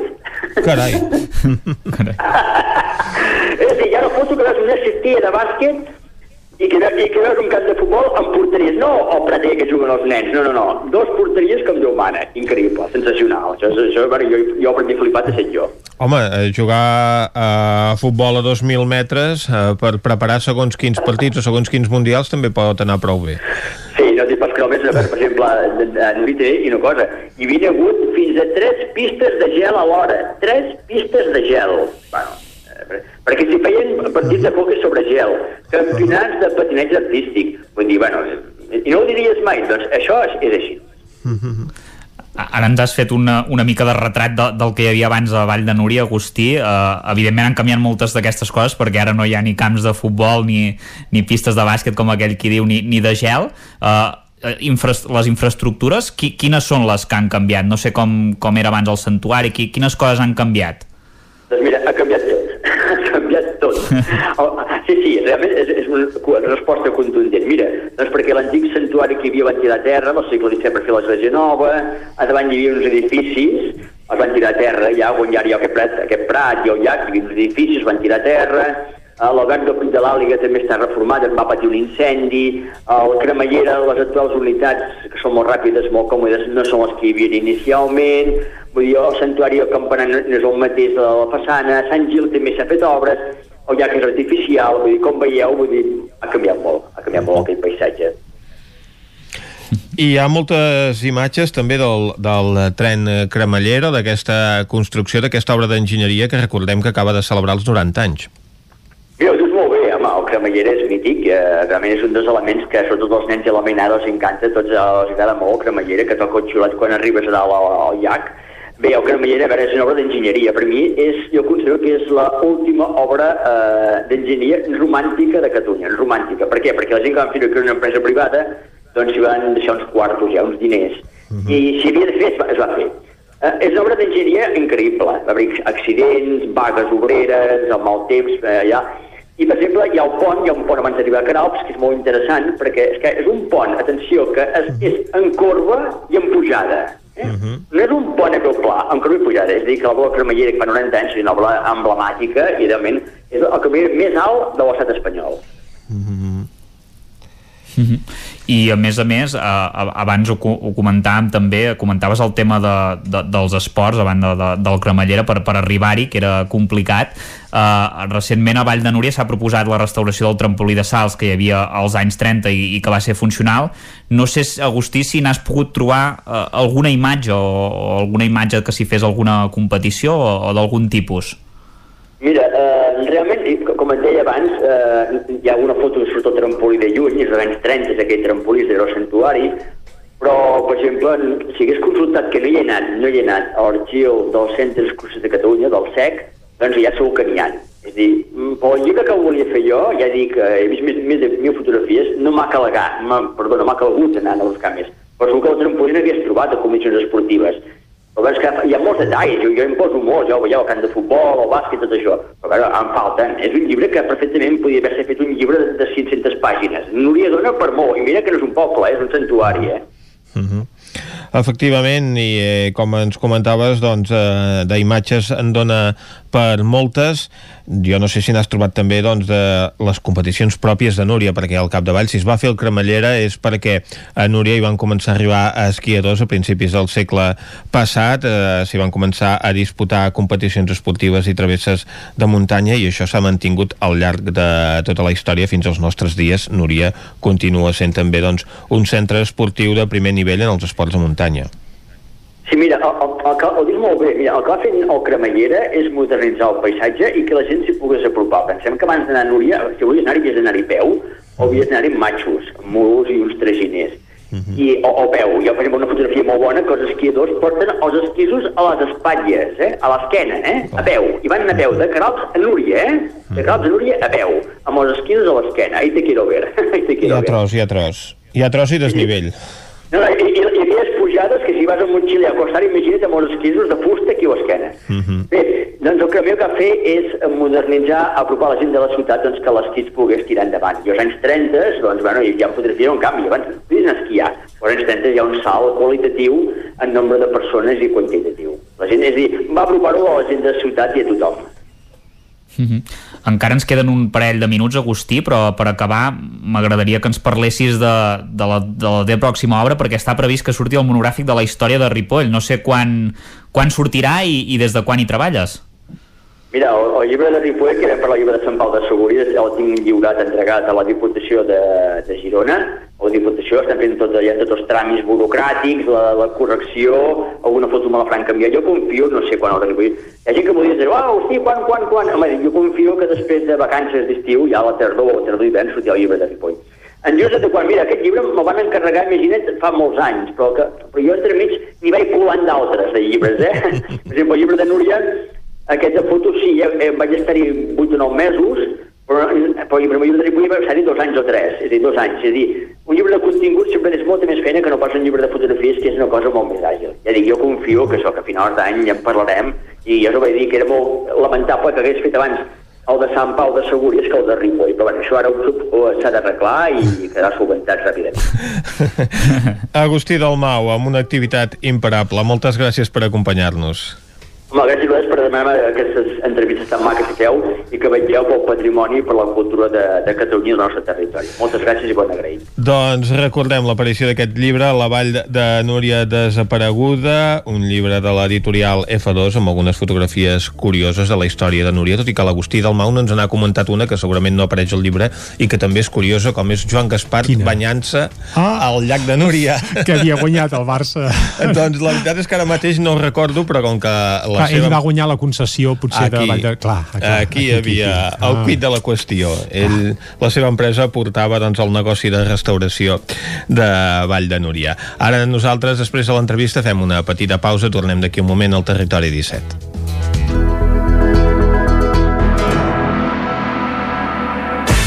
El nou FM, la ràdio de casa, al 92.8. Vols gaudir d'un bon arròs a casa sense no haver d'embrutar ni preocupar-te per res? La Fogonera, paelles per emportar. Un seguit de paelles, tapes, platets i postres casolans pensats per a paladars exigents. Ara més, fem menús per a petits grups de comensals. La Fogonera, la rosseria de paelles per emportar a GURB i que també et portem a casa. Telèfon 93 851 55 75 i a lafogonera.cat.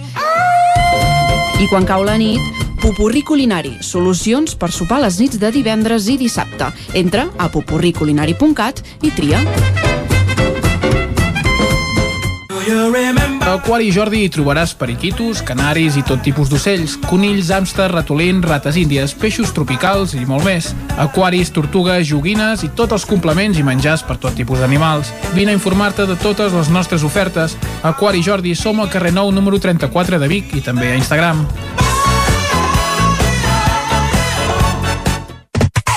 Pintures Xevi Soler. Tot en pintures. Façanes, obra nova, rehabilitacions interiors de vivenda, estucs, microciments, pintura industrial, motllures, terres vinílics... Pintures Xevi Soler. Ens agrada assessorar-vos i fer de casa vostra el millor lloc del món. Ens trobareu a Manlleu, al carrer Sogorb 113, telèfon 616 15 87 33 o 93 851 3504. Cocodril Club. Si t'agrada la bona música dels anys 60, 70 i 80, escolta el 9 FM als matins de dissabtes i diumenges d'11 a 1. És el temps del Cocodril Club, tot un clàssic de la ràdio, amb les bases del pop-rock, les llegendes, les cançons que s'han convertit en autèntics himnes. Recorda, dissabtes i diumenges al matí, d'11 a 1, al 9 FM 92.8. Cocodril Club, el programa revival de l'Albert Malla. Hasta luego, cocodrilo. Rètols 2A. Experts en comunicació visual.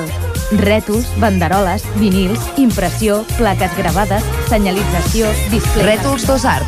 Ja són 25 anys al vostre servei. Ens trobareu a la carretera de Vic a Olot, número 7, al polígon Malloles de Vic.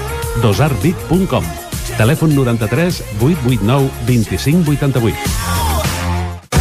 Per Sant Jordi vine a la Caiqueria a buscar la capsa de l'esmorzar, amb dolces sorpreses i la tassa de Sant Jordi exclusiva, galetes decorades i cupcakes especials per la diada.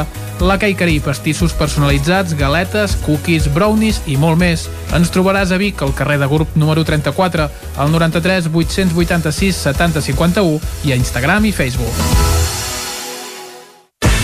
El 9 FM, la ràdio de casa, al 92.8.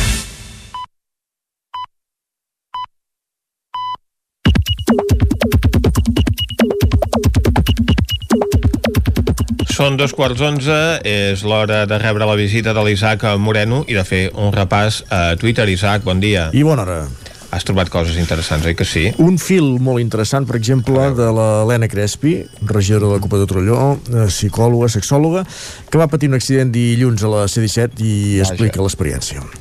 Dilluns, està bé, eh? Uh, val a dir-ho. Ho lamentem, però, que hagi patit un accident, això sí. I lamentem també el que es va trobar després, que és el que denuncia, fa A públic a través de Twitter.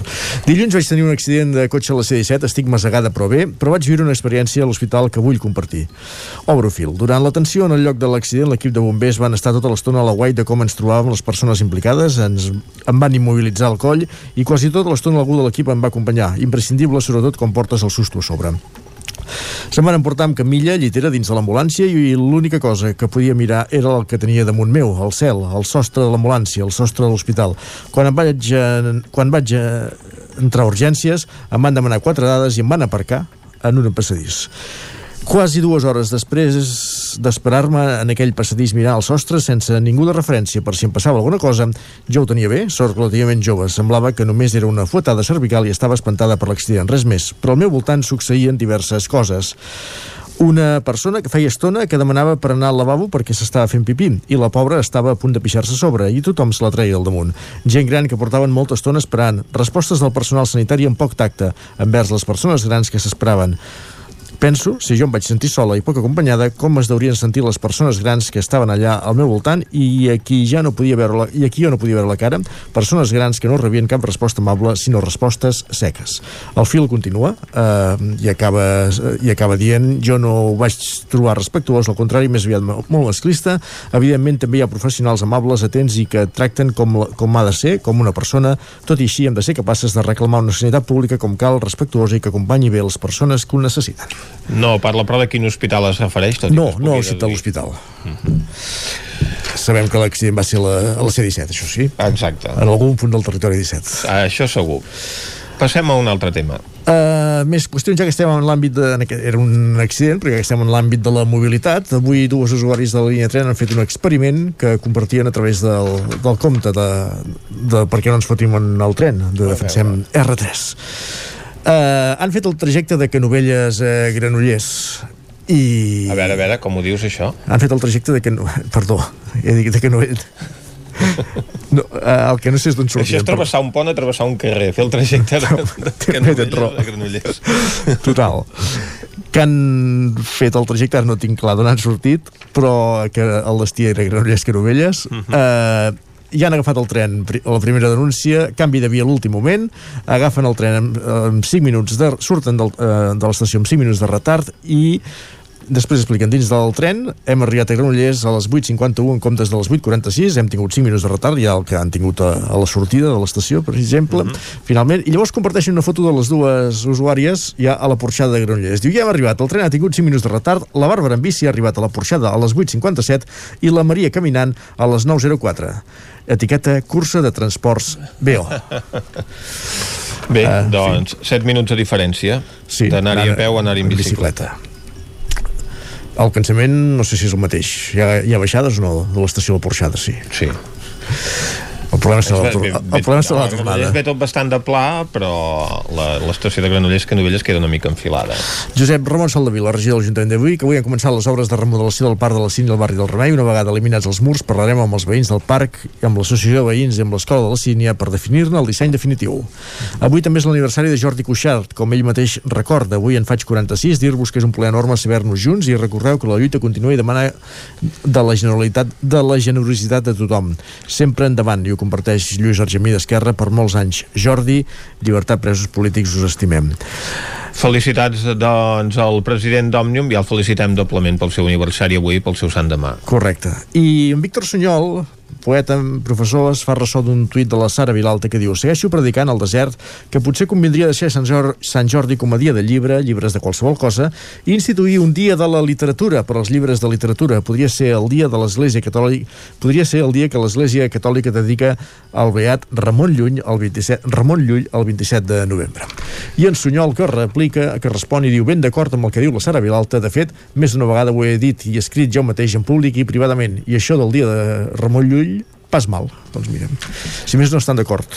Amb una cosa. Amb quin dia podia ser el, el dia de la literatura. Mm. I l'alternativa al dia dels, dels llibres de Sant Jordi. Osona i el Ripollès, al 99.cat. Osona es vol posicionar amb el tercer cinturó logístic de Catalunya. També eh, colgats de trastos, la, la crònica o el reportatge sobre els problemes que tenen els ajuntaments amb els, amb els trastos que, que en lloc de llançar-se a la deixalleria es llancen a la via pública, sis generacions de ratafiaires a Sant Quirze o també podem llegir-hi el casal de Boia Baixa es trasllada a un nou local al centre de Manlleu. I carreguem ràpidament la portada verda, la de l'edició del Vallès Oriental. El tas de la mitja canvia de recorregut i no sortirà de, des de la Garriga. Roben ordinadors i tauletes i mòbils de l'escola Tagamanent a la Garriga. Mayoral situa a la tardor l'inici de les obres del Centre de Radioteràpia de Granollers i detinguts dos joves just després de cometre un robatori en una casa de Palau Tordera. Molt bé, moltes gràcies, Isaac. No que bon dia. Anem nosaltres ara cap a la taula de redacció. Territori 17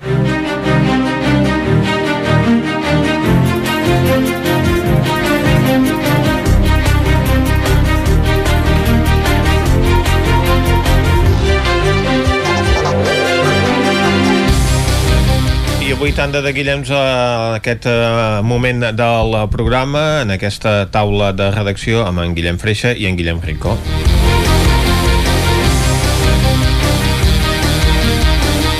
Comencem, Guillem Freixa, parlant d'un dels col·lectius més afectats i potser més invisibilitzats de la pandèmia, que és el col·lectiu dels joves. Sí, els joves en concret, eh, podríem dir la franja de l'adolescència, eh? Uh -huh. uh, nois i noies dels 11 fins als 20, 21, 22 anys, fins a l'inici de la universitat, que com dèiem, uh, la pandèmia i les mesures per uh, fer-hi front han afectat de ple uh, en aquests adolescents, un col·lectiu, com bé deies, sovint estigmatitzat uh -huh. i que ha vist uh, condicionat relacionada una de les etapes més intenses de la vida de qualsevol persona com és aquest inici de la joventut. Comencem amb una dada, amb una xifra uh, d'un estudi de la Diputació de Barcelona que diu que un 47,5% dels nois de quart d'ESO de la demarcació es mostra més angoixat pel seu futur que abans de la pandèmia. I si aquesta xifra la mirem en les noies, la, el mhm. percentatge s'eleva fins al 65,2%. Per tant, hi ha aquesta preocupació entre els joves que es van consultar, en concret van ser 1.696 enquestes,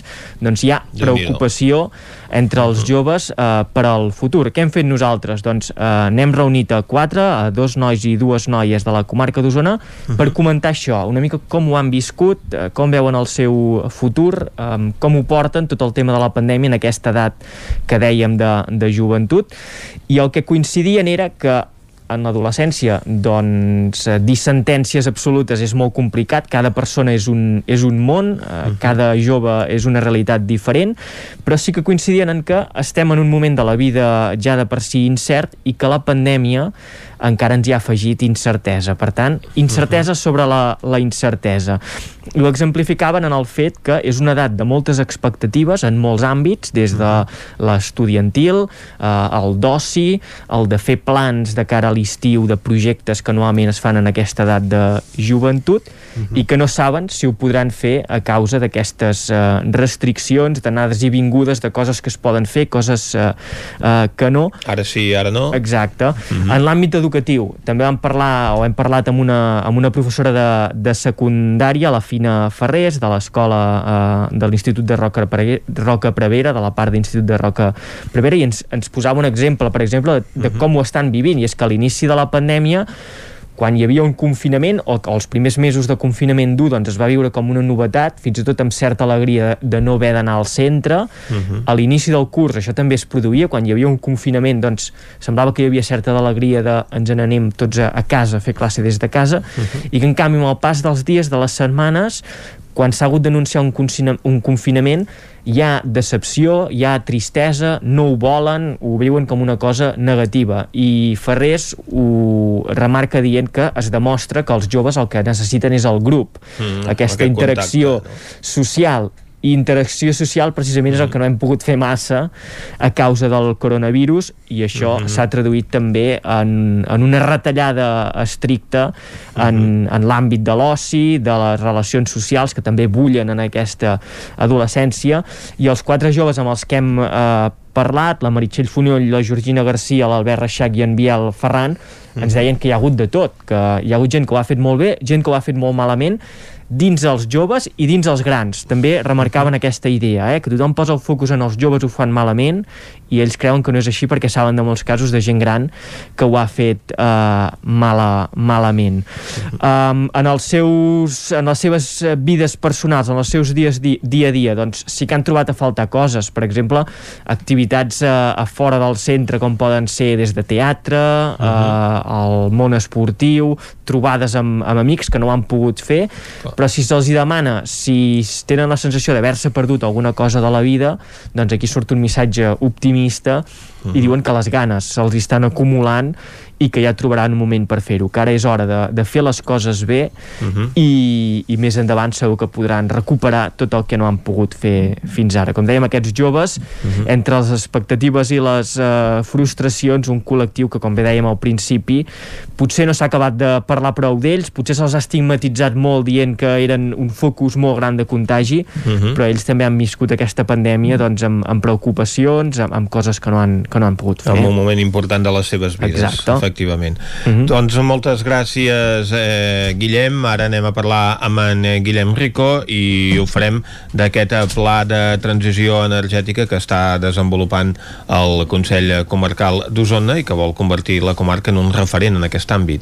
Bon dia, sí. Doncs això surt de, per una banda, en un moment en què els ajuntaments estaven alertats um, havien, per les diverses peticions que havien rebut de fer macroparcs solars, que finalment uh -huh. el més gran es va tombar, sí que queda d'entrada va avançant el de, el de Folgueroles, que era unes dimensions més petites, tot i que per alguns encara consideraven que, que és massa. És massa. Um, però eh, també se sumava el fet de que uh, per presentar projectes de, dels fons Next Generation de, de la Unió Europea i també per... Um, arran d'un pla que estan elaborant a, a Sant Pere de Torelló que tenen bastant, estan bastant avançats en aquest aspecte eh, van decidir sumar sinergies i de fet es va crear aquella, una taula de treball aquí s'ha anat desenvolupant i s'ha creat aquest pla eh, que es diu Osona uh, Osona Ecotransició 40% amb la idea de en, en 6 anys reduir les emissions un 42% uh -huh. um, quina és la clau? Deia? ens ho deia el regidor de, de Transició Energètica una cartera que ja tenen a Sant Pere, que fa poc s'ha creat també a Balanyà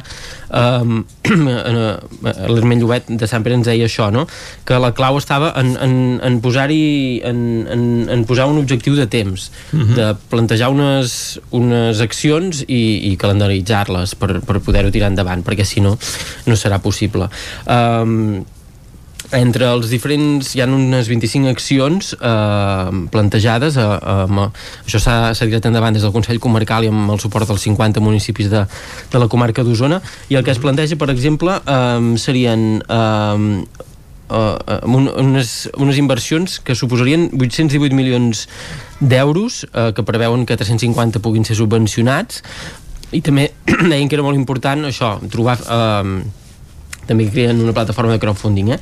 però eh, la idea és això no? que, que que hi hagi una implicació també per finançar-ho i que no, no, es, no es pagui tot amb diner públic sinó que la gent s'impliqui també a través de, de la creació de, de per exemple de, de cooperatives uh -huh. en què la gent hi participin i, i per exemple en tema d'energia de, de, uh, fotovoltaica doncs que la gent puguin uh, participar-hi i que llavors amb això acabin invertint en, en unes plaques solars que per exemple no tindran ells a casa seva uh -huh. però hi haurà aquestes comunitats energètiques i podran obtenir part de l'energia d'allà i això els suposarà un cost més baix però hauran de fer una aportació que, uh -huh. que podran anar, anar a pagar amb el temps determinat per, per, per, diem, per implicar-s'hi però no seran seves pròpiament les plaques eh? Uh, per exemple, en el tema que dèiem d'això dels panells solars, clar, no, no volen amb aquesta planificació estratègica de tota la comarca mm, no volen aquests macroparcs solars llavors què han fet? Doncs limitar-ho amb 50 d'entrada 50 mm, parcs petits d'un màxim de, de 10 hectàrees eh, i amb les seves comunitats energètiques no?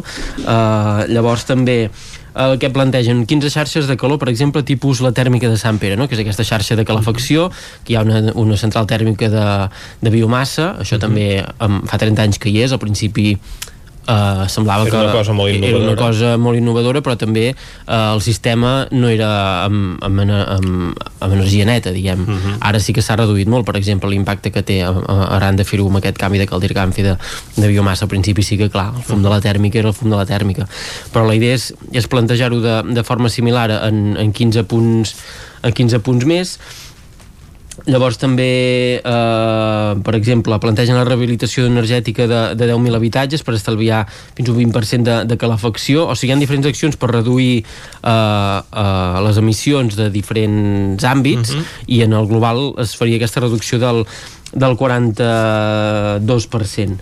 Um, altres accions, per exemple, doncs en tema de mobilitat, no? també reduir uh, la, uh, a un 20% el consum potenciant la substitució de vehicles elèctrics, també instal·lar més punts de recàrrega de vehicles, ara n'hi ha una vintena a tota la comarca, es preveu que d'aquí 6 anys n'hi hagin 300, uh -huh. això també per facilitar que la gent doncs, doncs facin aquest canvi.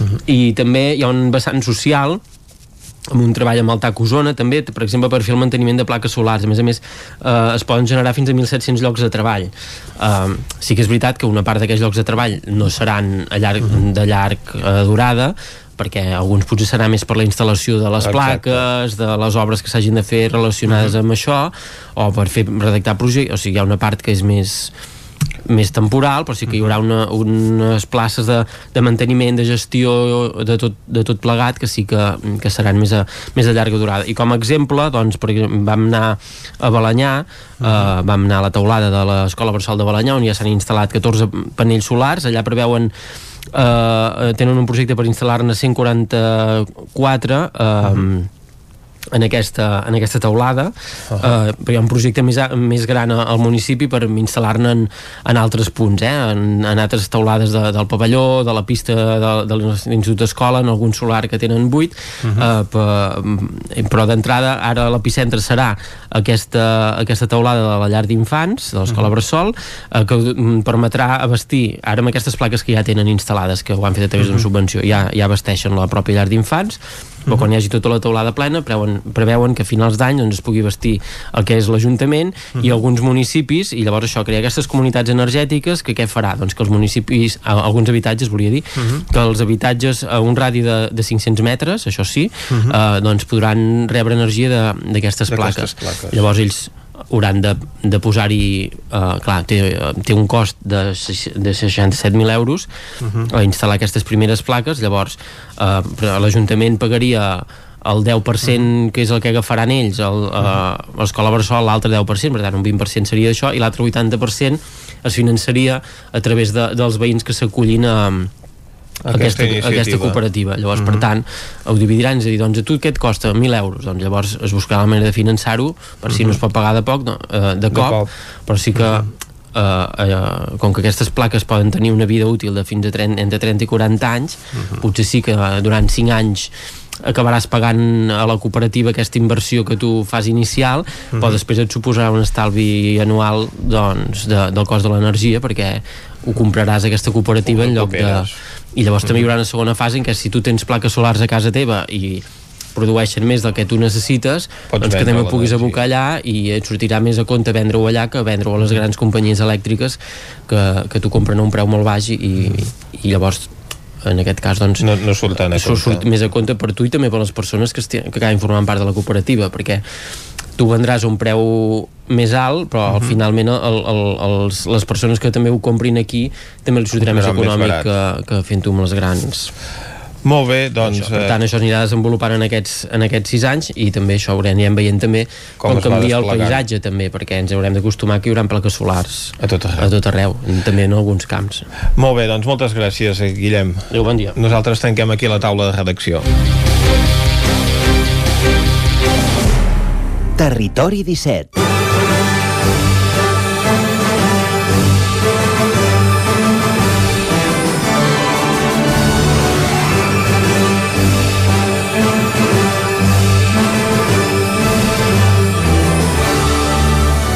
Lord Doncs tanquem la taula de redacció i quan falten 10 minuts per les 11 anem cap al cinema, no, Vicenç? Oh, i tant.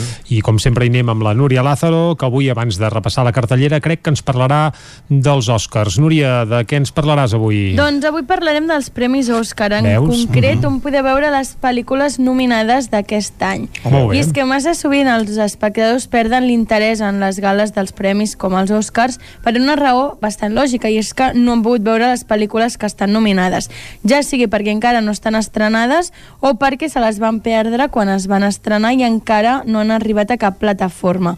Aquest any no hi ha excuses i és que el streaming ha irromput amb força en els Oscars 2021, en part, òbviament, a causa de la pandèmia, i la gran majoria de pel·lícules que opten en portar-se una estatueta ja estan disponibles a plataformes com Netflix, Amazon Prime Video, HBO Espanya i Disney Plus, i altres estan o estaran aviat a les sales de cinema.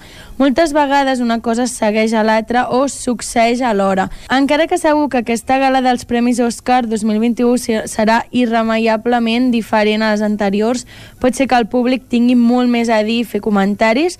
Diverses de les pel·lícules d'aquest any provenen de Netflix, Amazon, HBO i un llarg etc.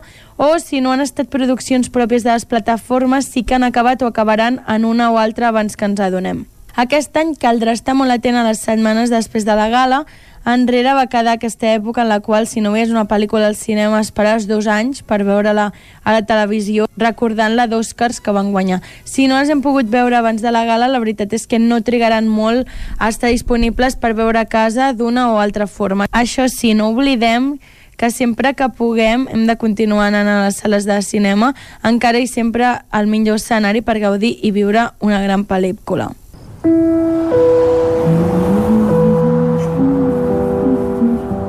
You are one of those lucky people that can travel anywhere. Yes, ma'am. And they sometimes call you nomads.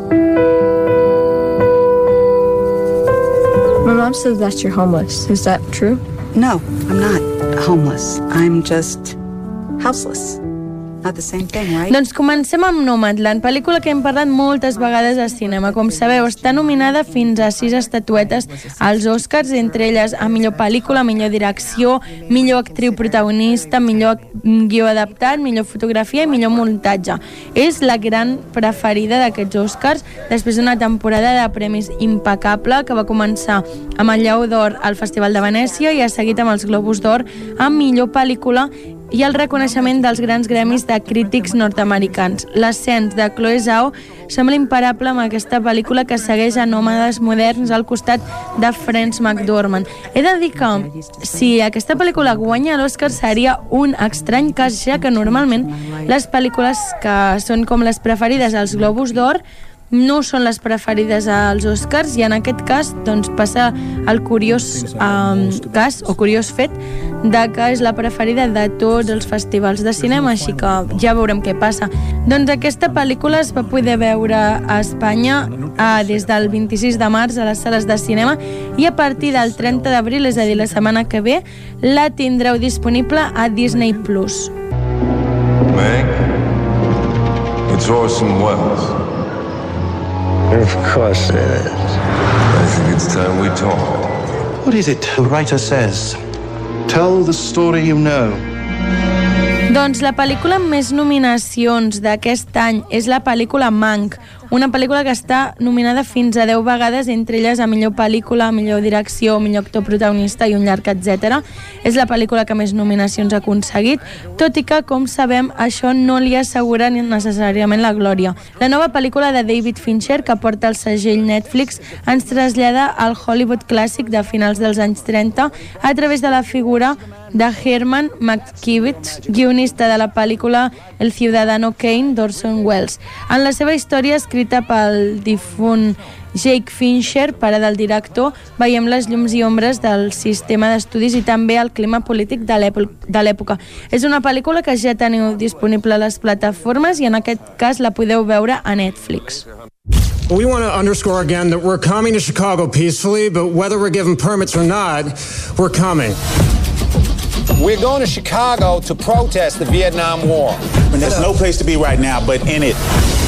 Doncs una altra de les que s'està parlant moltíssim ara és El juicio de los siete de Chicago, pel·lícula nominada a sis Oscars. És possiblement la gran aposta de Netflix per sobre de Mank, tot i tenir menys nominacions.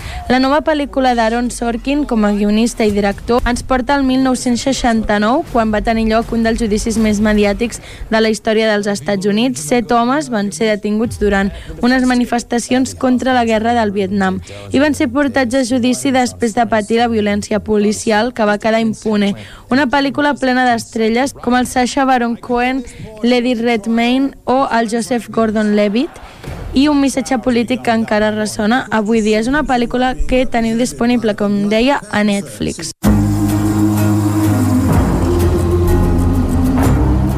David, look! They're wheels!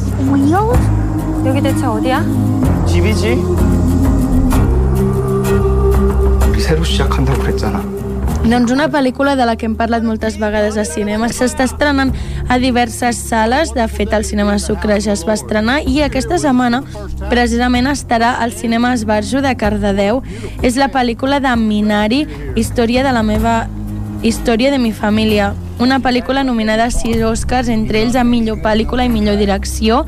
El cineasta Lee Isaac-Shun ha rebuscat en les seves pròpies memòries de la infància per compondre aquesta aplaudida pel·lícula que es va emportar el Gran Premi de Jurat al Festival Sundance el 2020 i on explica la història d'una família d'origen sud-coreà que s'instal·la en una zona rural dels Estats Units per obrir una granja, amb nominacions tant al seu protagonista, l'Steven Yeun, com a la seva adorable Yeon Yu-hung.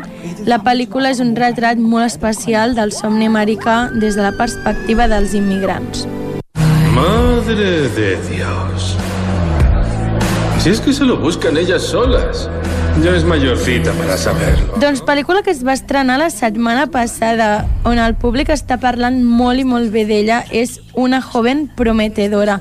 Una pel·lícula que es va estrenar, com deia, el 16 d'abril i està nominada a 5 premis, entre ells millor pel·lícula, millor direcció i millor actriu protagonista. És una de les grans sorpreses de la temporada i també una de les pel·lícules més polèmiques d'entre les nominades als Oscars. La directora Emerald Fennell es marca un rap revenge en què una dona, la Kerry Mulligan, decideix venjar-se de tots aquests homes que li han arruïnat la vida. Fennell és la primera dona de la història dels premis en aconseguir una nominació amb millor direcció per la seva primera pel·lícula. Sens dubte és un debut amb magnificència. You sound great. Yeah, right. What? You telling me you weren't feeling it? You were in it. We don't need to, we don't need to put them all out. I know, but we just need to film Doncs una altra pel·lícula, Sound of Metal, nominada a sis premis, també ha estat una de les pel·lícules indis més aplaudides de la temporada gràcies a la seva nova i refrescant proposta on la imatge i el so acompanyen completament les dificultats del seu protagonista. La història segueix al bateria d'una banda que comença a perdre l'audició. Dirigida per Daurius Marder, és una de les petites joies d'aquests Oscars que ja podeu veure a Amazon Prime Video. I want want to share something with you.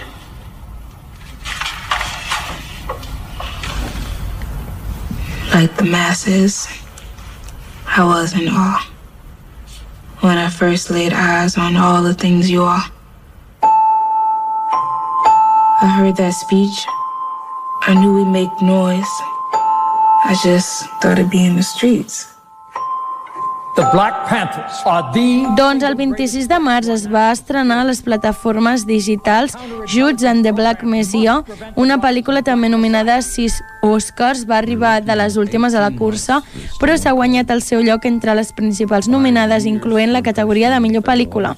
Està dirigida per Shaka King i explica la història real del Bill, un delinqüent detingut per robar cotxes a qui l'FBI li proposa un tracte. Tot el seu historial desapareixerà si s'infiltra en el partit Panteres Negres, liderat per l'activista negre Fred Hampton, Daniel Kaluuya i Lathan Stenfield, que brillen en aquest drama histórico. ¿Fecha de nacimiento? Viernes 31 de diciembre de 1937. Ahora está viviendo con su hija, ¿es correcto? Sí, hasta que vaya a vivir a París. Papá, ¿por qué sigues con lo de París? Sí, me lo dijiste. No lo hice. Perdona, Anne, me lo dijiste el otro día. ¿Lo has olvidado? Lo he olvidado. Papá, quiero presentarte a Laura. ¿Cómo estás, señor? Doncs una altra pel·lícula, El Padre, una pel·lícula que es va estrenar als cinemes el passat 23 de desembre, per la qual cosa caldrà esperar la seva estrena en streaming per recu recuperar-la, encara no hi ha data, però segur que hi serà. És una pel·lícula nominada també a sis Oscars, entre ells millor actor protagonista. És una pel·lícula on el nouvingut Florian Zeller va decidir adaptar al cinema la seva pròpia obra de teatre i el resultat, la veritat és que és bastant punyent. Primer, gràcies a la increïble actuació de l'Anthony Hopkins com a home que pateix Alzheimer i està perdent la memòria en un paper que podria aconseguir-li el seu segon Oscar a millor actor i la veritat és que estaria molt, molt merescut. I segon, per com Zeller construeix l'escenari de la pel·lícula per acompanyar la seva confusió i la seva por.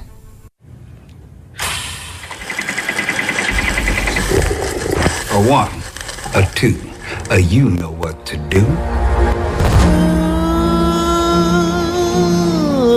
This be an empty world without the blues. Doncs una altra d'aquestes pel·lícules que també n'hem parlat i que també podeu veure a les plataformes, en aquest cas a Netflix, és La madre del blues. Fins a cinc nominacions li esperen aquesta pel·lícula, entre elles millor actor i millor actriu protagonista. El mort Chadwick Boseman s'ha unit a la llista d'actors nominats pòstumament als Oscars i per descomptat podria guanyar-lo. L'actor protagonitza al costat de Viola Davis, també nominada a aquesta pel·lícula de George Wolfe, que mostra el xoc d'interessos entre Rainey, la coneguda com a reina del blues, i els seus productors en un estudi de gravació de Chicago de 1927. És la tercera producció amb el segell de Netflix amb més presència en aquests Oscars 2021. Es difícil encontrar el camino a casa.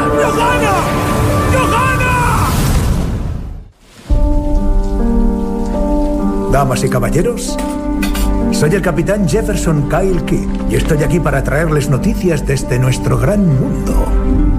Le pagan por contar. I per acabar, acabo amb Notícies del Gran Mundo, una pel·lícula nominada a quatre Oscars, entre ells millor banda sonora, millor so i millor fotografia. El western de la temporada ve signat per Paul Greengrass, que explica la història d'un veterà de guerra, el Jefferson Kyle Kidd, que, bueno, interpretat pel Tom Hanks, que va de ciutat en ciutat narrant les notícies i un dia es trobarà amb la missió de dur a la òrfana Johanna a casa dels seus oncles. La pel·lícula brilla gràcies a la química entre tots dos, l'enteresa increïble de Hanks i els seus missatges sobre la importància dels relats.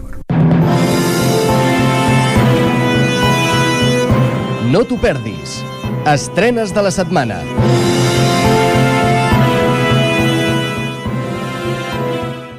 Doncs ara sí, passem a les estrenes de la setmana. Comencem amb Cardedeu, Cinemes Barjo, com us he dit, aquest cap de setmana, des d'avui dijous fins diumenge, hi haurà Minari Història de mi família. Ja us he explicat abans de què va, però també hi ha una altra estrena que es farà aquest eh, diumenge al cinema Esbarjo de Cardedeu. Aquesta roca tan negra a mi em confon. Però això és un cargol que vol veure món. Com m'agradaria navegar. Aquesta és la balena que aquí ha arribat. Vine a navegar amb mi. I aquest és el mar preciós. Indòmit i grandiós! I guaitar.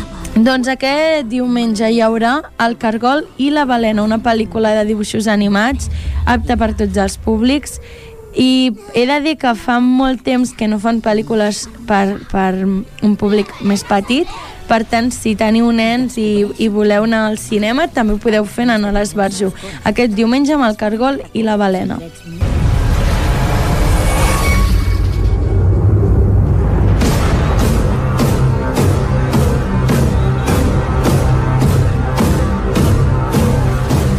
Doncs el cinema Sucre. Comencem per Península. Després de la infecció que es va estendre fa 4 anys, només algunes parts de Corea del Sud romanen protegides, tot i que la península de Busan és l'única part on poden buscar refugi els coreans. Molts encara mantenen l'esperança de ser rescatats per l'ajuda internacional. És una pel·lícula de terror que s'estrenarà demà al cinema Sucre de Vic.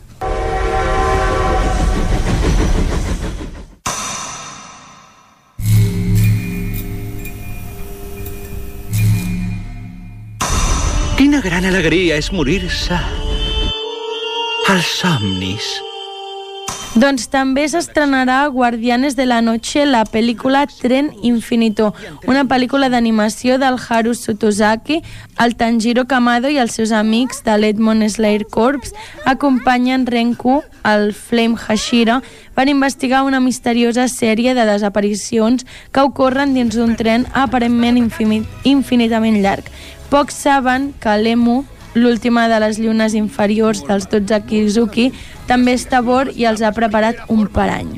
És possible que aquell cas tan escabrós s'estigui produint a Tòquio.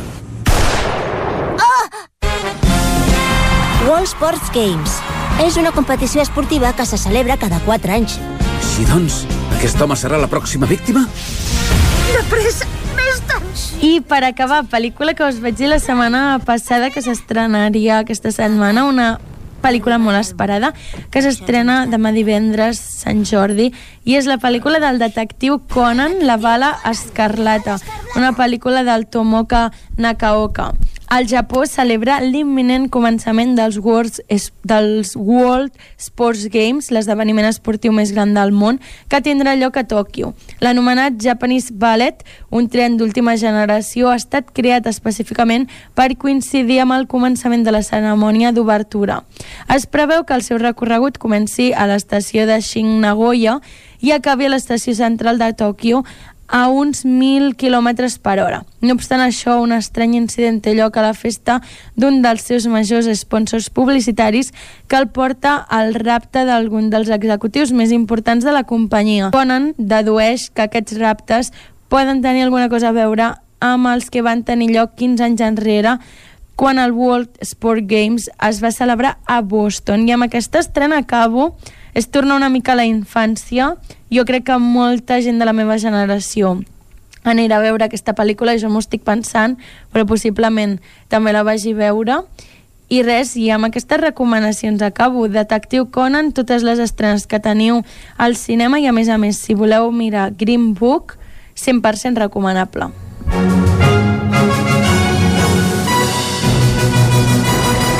I després de passar pel cinema, tornem a acostar-vos l'actualitat de les nostres comarques, les comarques del Ripollès, Osona, el Moianès i el Vallès Oriental. Territori 17, amb Vicenç Vigues i Jordi Sunyer.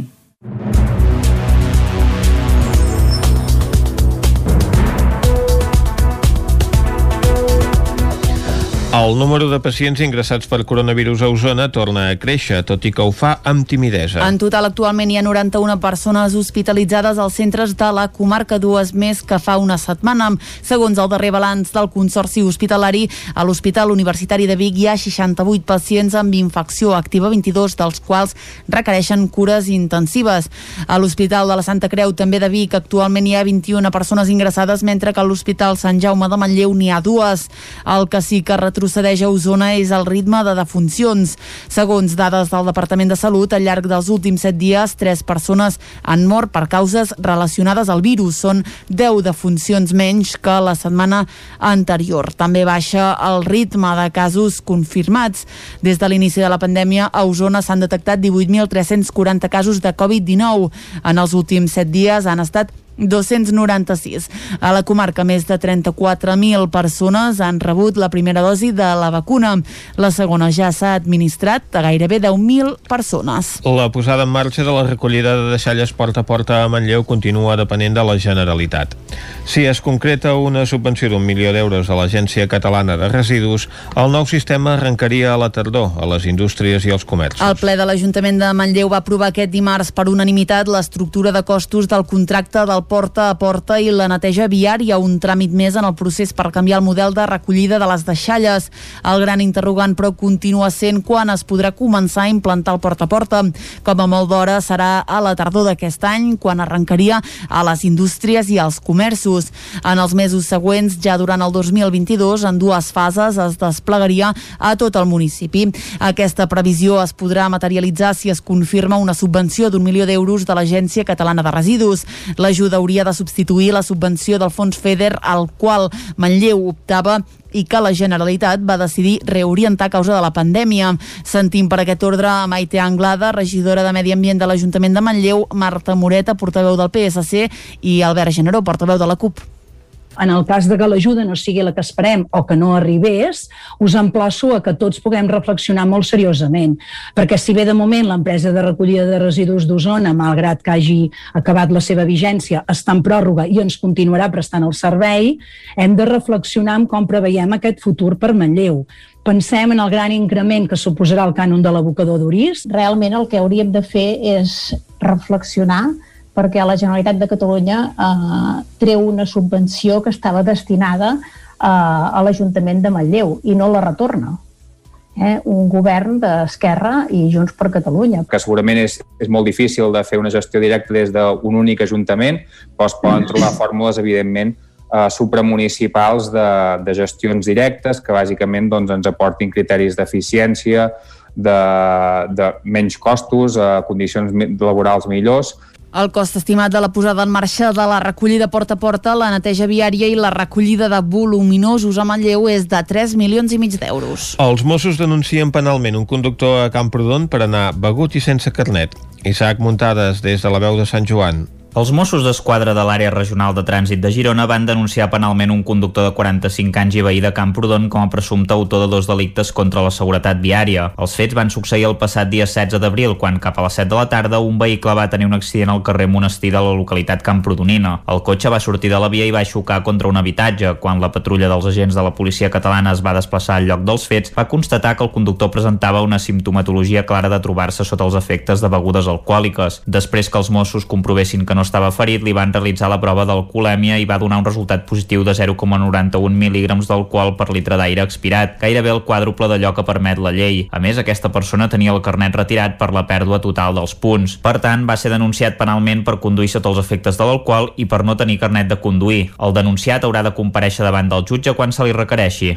El Moianès tanca les primeres jornades d'habitatge social i solidari amb èxit de participació. Caral Campàs, des d'Ona Codinenca. L'Oficina d'Habitatge del Consell Comarcal del Moianès ha celebrat unes jornades d'habitatges posant al centre del debat models públics o cooperatius. Els assistents han pogut debatre des de la recuperació d'espais buits passant per la masoveria fins a la creació d'habitatges cooperatius. Teresa Soler, de l'Oficina d'Habitatge, valorava positivament l'experiència. Sí, doncs mira, de fet és que vam començar-ne a parlar això la tardor passada i pensant, ostres, potser és un tema que pot interessar, però tampoc era... A veure, nosaltres creiem que era interessant, però la veritat és que ha generat molta expectació perquè, a més a més, el fet de ser online, doncs s'apunta molta gent, no només del Moianès, sinó també d'altres comarques de Catalunya i, i, i hem vist doncs, que, que hi ha molt interès. No sé fins i tot allò que estem sorpresos, no? però sí, sí, s'inscriu molta gent i, i és això, que el fet de ser online doncs, també ho facilita. Ara, a més, l'Oficina d'Habitatge ha iniciat un projecte per detectar quins espais o propietats municipals de la comarca són viables per crear habitatge social. Ara mateix també estem fent uh, un estudi per bàsicament un inventari de, uh, per veure què tenim cada ajuntament uh, que podria esdevenir habitatge, jo què sé, des de, uh, encara que sigui propietat o propietat municipal o sol pendent de construir però que s'hi poguessi, uh, si poguessin construir uh, habitatges um, de protecció oficial, per exemple, i, i d'aquesta manera doncs, saber on estem i veure quin, en, on, cadascú on, on es pot uh, incidir més des, de, des del seu ajuntament i des de, i des de la comarca. Les jornades també han estat ben rebudes pels ajuntaments de la comarca que comparteixen la problemàtica de la manca d'accés a habitatge de lloguer als 10 pobles del Moianès. Esports. Àlex Palou de Sant Antoni de Vilamajor fa història i guanya la carrera inaugural de la IndyCar al circuit de Barber i es converteix en el segon pilot català que guanya una cursa en aquesta categoria. David Auladell de Ràdio Televisió Cardedeu. El passat diumenge 18 d'abril va tenir lloc la primera carrera de la IndyCar Series, el campionat de carreres obertes nord-americanes. El pilot Vilamajorí va sortir en tercera posició i debutava amb l'equip Chip Ganassi Racing. Durant la carrera va utilitzar una estratègia diferent dels pilots que tenia davant, Pat Howard i Alex Rossi, optant per només fer dues parades al box per canviar pneumàtics, mentre que la resta en van fer tres. Les últimes voltes de la carrera van ser intenses, però Palou va ser capaç d'aguantar la pressió i creuar el primer la línia d'arribada. Palou és el primer líder de la temporada de la IndyCar 2021 i també és la segona victòria d'un pilot català i de la Federació Espanyola en aquesta categoria, després que Oriol Servià ho fes l'any 2005 a Montreal, a la Camp Char. I fins aquí el butlletí informatiu de les 11, que avui us hem ofert a les 11 i 5 minuts, això sí, però com sempre amb les veus de Vicenç Vigues, Clàudia Dinarès, David Auladell, Caral Campàs i Isaac Muntades. Ara agafarem aire durant mig minutet i de seguida saludem en Jordi Soler, que cada 15 dies ens ve a alegrar interiorment aquí a Territori 17. Fins ara mateix. Territori 17. Envia'ns les teves notes de veu per WhatsApp al 646 079 023. 646 079 023. WhatsApp Territori 17.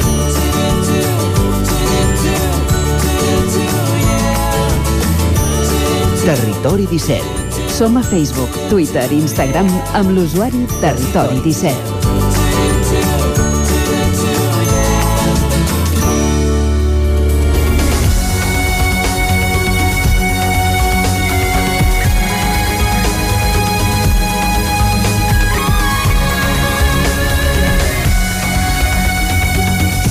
Passa mig minutet d'un quart de 12 del matí, Vicenç, i és l'hora de saludar en Jordi Soler. Oh, i tant. Que I de felicitar-lo ja per endavant. Ah, és veritat, uh, per molts anys. Gràcies, gràcies. Molt bé, uh, demà Sant Jordi. Demà Sant Jordi. Però no ens vindràs a parlar de Sant Jordi, oi? Oh, sí. Ah, Ah. també, també. També. Jo crec que s'han d'aprofitar totes les oportunitats i Sant Jordi és una oportunitat, no? Mm -hmm. Sant Jordi és una oportunitat per una mica recordar, jo recordo els Sant Jordis de quan era petit. Recordo que era una manera de, bueno, a través dels còmics, a mi m'agradaven molt els còmics, no? I solien regalar còmics. Tintins, astèrics, de, de qui eren, Jordi? Tintins, tintins, els tintins. Jo recordo el primer tintín que vaig rebre, no era per Sant Jordi, era molt petit, no el vaig rebre jo, era el meu germà gran, que rebia, bueno, els Capitans Trueno, els tintins, astèrics, i vaig agafar el tintín del Lotus Blau, aquell mm. dels xinesos. Sí, sí, que se'n va cap a la Xina, i tant. Jo recordo que em sembla encara no sabia ni llegir, era molt, molt petit. Uh -huh.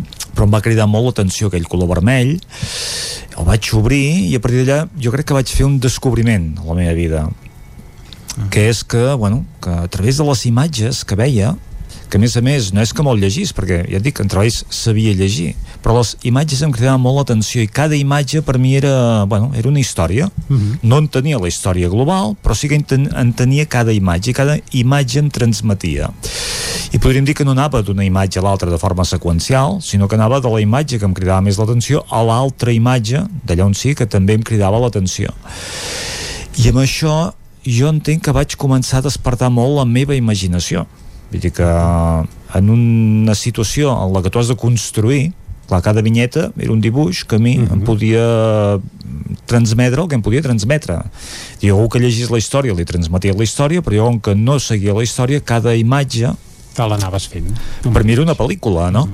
I això em porta una reflexió, que és que en el moment que estem ara, la, la facilitat amb la que podem consumir mitjans multimèdia, allò, les sèries, les pel·lícules, -huh. també ens dona poc marge a la imaginació. Vull dir, ens dona molta informació, però ens la dona molt definida, molt feta. Sí, ja ve tot maquillat i embolicat aquí, eh? Clar, eh, jo recordo quan era petit que precisament, com que no m'ho donaven fet, sinó que a través d'una imatge que no en tenia la història, jo em construïa la història, doncs això activava molt la meva imaginació Mm -hmm. i la veritat és que no era per Sant Jordi, era contínuament eh? i els contes, recordo els primers quatre tintins que els tenia ja gairebé gastats de tant llegir-los, obrir-los i tornar-los a llegir eh? Vull dir, més endavant quan ja vaig començar a llegir evidentment vaig ja començar a seguir les històries però igualment era un fan dels tintins, de les joies literàries i de molt més per tant convido demà, Sant Jordi mm, sobretot els més petits doncs, eh, donar-los aquesta oportunitat també no? de créixer a nivell imaginatiu i si no és a través dels còmics, a través dels llibres no? Vull dir que a través d'un llibre tu pots construir molta part de la història perquè tu et poden descriure el paisatge poden descriure el personatge però te'l descriuen, tu te'l crees, tu te l'imagines no? vull dir que un mateix llibre llegit per una persona per una altra estic segur que la interpretació visual dels elements varia molt perquè tu estàs allà afegint-hi molta cosa i aquesta oportunitat per, per imaginar que ens donem demà Sant Jordi en programació neurolingüística és molt important Mm. Hi ha molts exercicis, hi ha molts treballs en els que entra en joc la imaginació. I llavors la nostra capacitat d'imaginar que dius, mira tu, quan érem petits doncs practicàvem una cosa que al llarg de la nostra vida mm, pot arribar a ser important, pot arribar a ser bo que siguem capaços d'imaginar. Quan en programació neurolingüística parlem de fer un anclatge, quan parlem de reviure una situació que volem treballar, no? jo tinc una situació que em preocupa, que m'amoïna i la vull treballar. La primera cosa que hem de fer és mm, reproduir-la, mm, reviure-la. Què ens transmet? Ens pot transmetre imatges, ens pot transmetre sons, ens pot transmetre sensacions, no? en funció del sistema representacional que tinguem més definit, si som visuals, auditius, sinestèsics, és més fàcil doncs, que això, si són visuals que ens vingui una imatge, no? una imatge mm -hmm. del moment en què van viure aquella situació una imatge que pot ser en moviment que pot ser estàtica que pot ser en blanc i negre, pot ser en color, pot ser eh, en primera persona, pot ser disassociat, no? Aquella imatge la podem viure de moltes maneres o aquí una imatge doncs diu un so, no? el to, el volum no? el, la, la velocitat de, de, de, del sol, la sensació que ens ha transmès, doncs, eh, aquella situació, tot això són detalls que hem d'intentar captar-los, reproduir-los, visualitzar-los, per connectar amb aquella situació, que això és el que ens permetrà una mica desbloquejar, alliberar, transformar aquella situació. Però esclar, aquí el component imaginació és vital. Doncs mm -hmm. jo recordo quan, començàvem a fer els primers treballs de, de PNL, de programació neurolingüística, que fàcilment eh, ens deien, doncs sí, reviviu tal situació. Bueno, reviure tal situació. No tothom té la mateixa facilitat per situar-se en un moment de la teva vida en què ha estat important, o allò dir, bueno, doncs ara necessitem anclar una sensació de seguretat, no? Vull dir, jo vull anclar en el meu cos una sensació de seguretat, per tant haig de reviure situacions en què hagi experimentat aquesta, aquesta situació de seguretat, no? Vés a buscar un moment de la teva vida en la que hagis, t'hagis sentit segur, confiat, no? Mm. Vull dir que uh, un cop estiguis en aquest moment, doncs connecta amb tot el que puguis arribar a captar d'aquell moment imatges, sons, sensacions. Clar, per poder fer això i poder-ho fer bé, de tenir la, la part imaginativa doncs ben, ben resolta no? has de tenir aquesta capacitat no tothom és capaç de situar-se i viure i visualitzar quan fem una visualització guiada ens deixem portar i és més fàcil que cada paraula automàticament desperti doncs, una sensació, una imatge en nosaltres. Però si som nosaltres els que ens guiem, si som nosaltres els que marquem aquest guió, de dir, va, en aquell moment que jo volia retrobar la seguretat, quin moment era, què estava passant, qui estava amb mi, no? què estava veient, què estava sentint, què estava escoltant. Clar, tot això, el component imaginació és important, no? Vull dir que la capacitat d'improvisar històries va també lligada amb la nostra capacitat d'imaginar no? la capacitat d'improvisar de... Jo, amb la meva filla quan era petita sempre em deia abans d'anar a dormir no? el, el que fa la canalla un conte no? Mm -hmm. doncs eh, jo tirava d'imaginació jo tirava d'improvisació no? jo agafava i començava doncs, a explicar una història una història que no tenia preparada una història que sortia, que anava emergent i això ho agraeixo una mica a la meva infància de lectura de còmics no? vull dir que els Tintins, els Mortadelos les joies literàries, cada, cada història que després podia arribar a llegir doncs, el llibre i tenir una percepció diferent eh? perquè els còmics sempre era una, una lectura molt reduïda, molt resumida, molt simple però que per mi era suficient com per despertar aquesta imaginació que en la meva vida així més d'adult doncs m'ha estat útil m'ha estat útil per llegir contes a la meva filla, no per llegir, per explicar contes. Mm -hmm. Contes a la meva filla que, bueno, que són exclusius, eh? Vull dir que eren d'aquell moment una història que, bueno, que començava i acabava allà, no? Que fins i tot deia, home, un dia... Què Els hauràs de recollir, eh? Escriure'ls, editar-los, avui dia que tothom s'edita, bé, que és fàcil uh, autoeditar-se fins i tot, uh -huh. uh, t'hauries de plantejar, Jordi, eh? Fer, fer, fer un recull, eh? Mm, exacte. Clar, els autors, quan creen una obra, vull dir, connecten amb aquesta part seva, no? amb aquesta inspiració que els hi aporta la història estic segur que molts autors aquesta inspiració és com com seguir un dictat propi seu eh? i a partir d'aquí fan grans creacions, grans obres aquestes persones segur que són uns privilegiats eh, en l'aspecte de la imaginació, de la creació no? Uh mhm. -huh. Per tant, dius, bueno, en la programació neurolingüística l'aplicació és clara, vull dir que una situació que jo vull treballar, que vull canviar, haig de saber-la imaginar, haig de saber-la recrear, l'haig de saber plasmar, que segurament que és diferent de tal com va passar. Eh? Vull dir, jo dic, ostres, un moment en què em sentia confiat i recordo aquell moment davant dels meus amics que estava explicant una anècdota, no? i vull recordar aquella situació. Si veiguéssim aquella situació o escoltéssim la meva explicació actual, eh, possiblement hi haurien moltes diferències, perquè els records amb el temps doncs, es van esborronant, es van confonent, barregem coses, i quan estem explicant coses del nostre passat o les estem recordant, segurament que hi ha molts matisos canviats, no? per tant se val, dir, si allò em transmet la sensació que jo necessito ara ja em serveix llavors quan més detallat, com més ric sigui amb, amb detalls, doncs allò serà més efectiu. Si un cop ho he recordat, ho vull transformar en algo positiu per mi, ho vull reforçar, doncs esclar, a les submodalitats, els sistemes representacionals ens diuen modular. Per exemple, doncs, si vols potenciar un aspecte, doncs augmenta el color, no? augmenta el tamany, defineixo, no? augmenta el so mm -hmm. això doncs ho estem potenciant això ho estem reforçant això ens permet doncs una mica adquirir aquesta part que a nosaltres potser ens manca i que ens convé. Si una cosa no és bona per nosaltres, al contrari, vull dir, fem aquesta reducció, aquesta difuminació, no? una imatge que ens transmet una mala sensació, passem-la blanc i negre, eh, difuminem-la, empetitim-la, allunyem-la, no? Vull dir, convertim aquesta imatge que està gravada eh, en la nostra part més, més íntima mm. en una cosa més petitona, que no ens pesi tant no? llavors, per jugar amb això hem de saber jugar molt amb la imaginació i una bona manera de començar a treballar la imaginació de ben petits, doncs, bueno, és, és anar demà eh, a voltar per les parades de, de les... d'arreu del territori 17 correcte, i, i comprar llibres i deixar-se portar, eh? Mm. i aquell, aquell còmic per un petit o aquell llibre per una persona potser més adulta, doncs, bueno, doncs deixar-se portar i començar a imaginar què ens transmet. Doncs Jordi, moltes gràcies. Començarem a esmolar les eines de cara a Sant Jordi, que és demà, i tots a comprar llibres i a fer córrer la imaginació, que això és vida i és salut. Moltes gràcies per acompanyar-nos una vegada més aquí a Territori 17. Esperem d'aquí 15 dies. Eh? A vosaltres.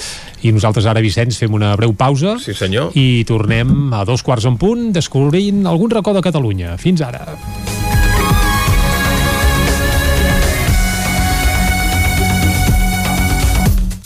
Territori 17. El nou FM, la ràdio de casa, al 92.8. Pintures Xevi Soler. Tot en pintures. Façanes, obra nova, rehabilitacions interiors de vivenda, estucs, microciments, pintura industrial, motllures, terres vinílics... Pintures Xevi Soler. Ens agrada assessorar-vos i fer de casa vostra el millor lloc del món. Ens trobareu a Manlleu, al carrer Sogorb 113, telèfon 616 15 87 33 o 93 851 3504. Vols gaudir d'un bon arròs a casa sense no haver d'embrutar ni preocupar-te per res? La Fogonera, paelles per emportar. Un seguit de paelles, tapes, platets i postres casolans pensats per a paladars exigents. Ara més, fem menús per a petits grups de comensals. La Fogonera, la rosseria de paelles per emportar GURB i que també et portem a casa. Telèfon 93 851 55 75 i a lafogonera.cat. I quan cau la nit, Pupurri Culinari, solucions per sopar les nits de divendres i dissabte. Entra a pupurriculinari.cat i tria. Rètols 2A. Experts en comunicació visual. Rètols, banderoles, vinils, impressió, plaques gravades, senyalització, display... Rètols 2 Art. Ja són 25 anys al vostre servei. Ens trobareu a la carretera de Vic a Olot, número 7, al polígon Malloles de Vic. dosartvic.com Telèfon 93 889 25 88. Cocodril Club. Si t'agrada la bona música dels anys 60, 70 i 80, escolta el 9 FM els matins de dissabtes i diumenges d'11 a 1. És el temps del Cocodril Club, tot un clàssic de la ràdio, amb les bases del pop-rock, les llegendes, les cançons que s'han convertit en autèntics himnes. Recorda, dissabtes i diumenges al matí, d'11 a 1, al 9 FM 92.8. Cocodril Club, el programa revival de l'Albert Malla. Hasta luego, cocodrilo. Per Sant Jordi vine a la Caiqueria a buscar la capsa de l'esmorzar, amb dolces sorpreses i la tassa de Sant Jordi exclusiva, galetes decorades i cupcakes especials per la diada, la Caiqueria, pastissos personalitzats, galetes, cookies, brownies i molt més. Ens trobaràs a Vic, al carrer de Gurb número 34, al 93 886 70 51 i a Instagram i Facebook. El Sabater. Reparació de calçat al moment i còpies de claus de seguretat i de cotxe. Esmolem tisores i ganivets, cosim pell i cremalleres, arreglem articles d'alpinisme i canviem soles de botes i sabates de muntanya i running. El Sabater. Som a la plaça Cris Rei número 1, al costat de l'església de Dalt Vila, de Manlleu. Telèfon 677 45 46 01. El nou FM, el nou FM, el nou FM, el nou FM, el nou FM.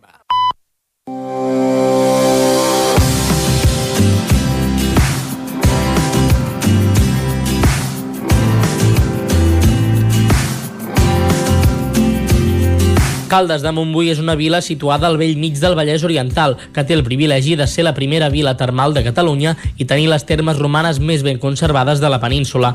La seva situació al peu de la muntanya del Farell, en una zona de fractures i plegaments, facilita l'aflorament de les aigües termals que brollen a una temperatura de 76 graus, una de les més elevades d'Europa. Gràcies a aquest recurs natural, el municipi gaudeix d'una condició privilegiada que ha influït molt en el seu desenvolupament urbanístic i en el seu llegat històric, tradicional i cultural. El termalisme ofereix un dels grans principals atractius de Caldes de Montbui. Si ens endinsem pels carrers del nucli antic, podem descobrir en un passeig l'itinerari històric i termal que comprèn les antigues termes romanes del segle III abans de Cris, la simbòlica font del Lleó a 74 graus, construïda el 1581 i renovada el 1927, els safreig termals, els balnearis, l'església parroquial de Santa Maria, el pont romànic del segle XII i d'altres monuments del romànic, barroc i modernisme. Durant l'itinerari també hi trobem el Museu Termàlia, un gran centre temàtic a l'entorn de la cultura de l'aigua termal que també acull l'exposició permanent dels artistes internacionals Manolo Hugué i Pablo Picasso. Actualment a les termes romanes hi podem veure una piscina rectangular d'uns 12 metres de llarg, amb 5 graons en forma de graderia que encara conserva les entrades i sortides d'aigua originals. Es tractava d'un caldàrium i per altra banda dues petites piscines en forma d'èxedres semicirculars que probablement s'usarien per fer banys individuals de diversa natura. A Caldes hi trobarem la Torre Roja, un jaciment agroecològic d'ample espectre cronològic que abarca des del segle V abans de Cris fins pràcticament l'actualitat. El gruix de les estructures respon a un poblat ibèric, la fase més important del qual es desenvolupa als dos últims segles abans del canvi d'era. Durant l'alta edat mitjana s'ocupa l'espai en forma de necròpolis, potser lligada a l'ermita de Sant Miquel de l'An, situada a escassos centenars metres del jaciment. Per acabar, es poden visitar els dos safreig. El de la Portalera és un safreig d'aigua termal que va canviar el seu emplaçament a finals del segle XIX, ja que a l'inici estava ubicat al carrer de Santa Susana i actualment el trobem al carrer de la Muralla. L'aigua del safreig prové de la Font del Lleó i encara avui dia es buida i es neteja diàriament i s'omple de nou durant la nit i per tant encara s'utilitza. Finalment, el safreig de la Canaleta està situat al carrer General Pedrós, al final del carrer de Santa Rosa. Per accedir al safreig s'han de baixar unes escales on podem trobar la Font de la Canaleta. El safreig es va construir l'any 1929 sota la direcció de Manuel Raspall. El seu bon estat de conservació es deu a un taller escola que el van restaurar l'any 2005 i a més està dotat de plafons informatius elaborats pel Museu Termàlia.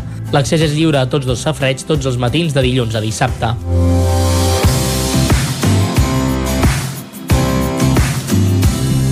Territori 17 Uh, que bonic que és Caldes de Montbui, eh? Uh, I a partir de la setmana que ve, a partir de dilluns, tota la gent del territori 17, qui ens escolti des del Ripollès, des del Moianès, des d'Osona, podrà fer cap al Vallès Oriental i gaudir de Caldes. Si així ho aprova el Procicat en aquesta reunió d'avui, no? Que tot fa pensar que sí, perquè Exacte. ja s'ha filtrat a diversos mitjans i ahir mateix ja ens en fèiem ressò aquí a Territori 17 que d'una bona font també sabíem que possiblement s'acabaria el confinament comarcal a partir de, de dilluns. Uh, fet aquest apunt, anem cap a la R3. Anem cap a la R3. Doncs vinga, va. A Trenc d'Alba, edició pandèmia. Ara sense els usuaris que ens explicaven les seves desgràcies a la R3, però amb els mateixos retards i problemes de sempre. Benvinguts a Tren d'Alba. Doncs aquest dijous s'ha celebrat una cursa de transports entre la Garriga i Granollers. El punt de sortida ha estat la plaça de l'Església dos quarts de nou del matí i a partir de llavors les persones que hi han participat, la major part de les quals estan vinculades amb entitats de mobilitat del territori, han començat els seus respectius trajectes en direcció a la plaça de la Porxada de Granollers. Fins ara la majoria de curses organitzades al Vallès Oriental havien tingut com a punt d'arribada a Barcelona i aquest cop ha tingut un caràcter comarcal, realitzant un desplaçament habitual per motius de feina, estudis o per fer tràmits entre la Garriga i Granollers. L'entitat promotora tot plegat és Pedalem la Garriga, que vol comparar diversos mitjans de transport per saber-ne el cost, l'impacte ambiental i el temps de trajecte. Però avui no us explicaré com ha anat, sinó que haureu d'escoltar la secció de demà. Va, en retrobem aquesta diada de Sant Jordi amb més històries del tren i de la R3. Territori 17. Carai, ara ens deixem la mel als llavis, uh, l'Isaac, eh? Bé, ja... Em sembla que n'hem apuntat alguna cosa ja de tot plegat. Bé, anem cap al racó de pensar. Anem cap al racó de pensar. Vinga. El racó de pensar, a Territori 17. Doncs quan passen 5 minuts de dos quarts de 12, saludem a la Maria López, a Ràdio Cardedeu. Maria, molt bon dia. Bon dia. Molt bon dia, Jordi Vicenç, com esteu? Molt bé. Eh, anar fent, anar fent. Heu vist amb quina energia arribem des de Cardedeu, allò així, amb aquest aquest Home, èmfasi sí. pre-Sant Jordi. La vostra energia ja habitual. A Cardedeu sempre esteu com un tro, eh? Això és Aquí ja evident. estem, estem, és que es- estem ja escalfant motors per demà, que tenim allò una, una diada molt esperada, molt desitjada, sobretot després de- d'aquest any així tan complicadet, Mhm. i, i amb ganes, i amb ganes. Mireu, us vull explicar una cosa, precisament Va. ara que parlàvem de, de Sant Jordi. Fa un parell de dies vaig tenir l'oportunitat d'entrevistar l'Ousman Omar, que és el fundador de l'ONG Nasco Feeding Minds. Després va venir TV3 ahir i em va copiar l'entrevista, però això ja és un altre tema. Això ja, ja passa. Però jo us faig una avançada. TV3. Estan sempre pendents de què fem aquí, eh? I diu, ah, aquesta feta... Doncs pues toma. No, ara us explico. Vaig fer una, és, és una mica això avançadeta del Lletraferits de la setmana vinent, que podrem escoltar aquest home i la seva història de vida, que realment és brutal. Però una de les coses que em va impactar amb aquesta entrevista és que em va explicar que quan als 17 anys va arribar a Barcelona, després d'un viatge infernal de 4 anys des de Ghana, va arribar a Barcelona i eh, anant pel carrer, d'alguna manera, ell es pensava que estava com a la terra promesa, no? I resulta que anava pel carrer saludant així tothom amb l'alegria d'arribar al lloc ideal i la gent el rebutjava i es separava, no? Va trigar uns dies, de fet, en adonar-se que la gent el que sentia en veure'l era por i li va impactar bastant, no?, això d'adonar-se'n que la gent sentia això. I en un d'aquests primers dies es va creuar amb una dona pel carrer, la Montserrat, que sí que se'l va escoltar, una mica més eh, i el va ajudar a arribar a la Creu Roja, que és el que ell intentava arribar amb, amb anglès, que és l'únic idioma que parlava. Aquesta dona, la Montserrat, va trucar al seu marit que sí que parlava anglès, el va passar per telèfon, bé, es van més o menys aclarir aquell dia i ella li va deixar el telèfon dient-li, escolta, si necessites alguna cosa, així urgent, fes-me un truc. I ell, després d'unes primeres setmanes complicades, dormint al carrer i tal, va decidir-se a trucar a la Montserrat, perquè ell no és la vida que volia aquí d'alguna manera, ell volia treballar, volia fer coses, i després de diversos cafès amb la Montserrat i amb el seu marit, eh, i de certes burocràcies, la Montserrat i el seu marit el van acabar acollint.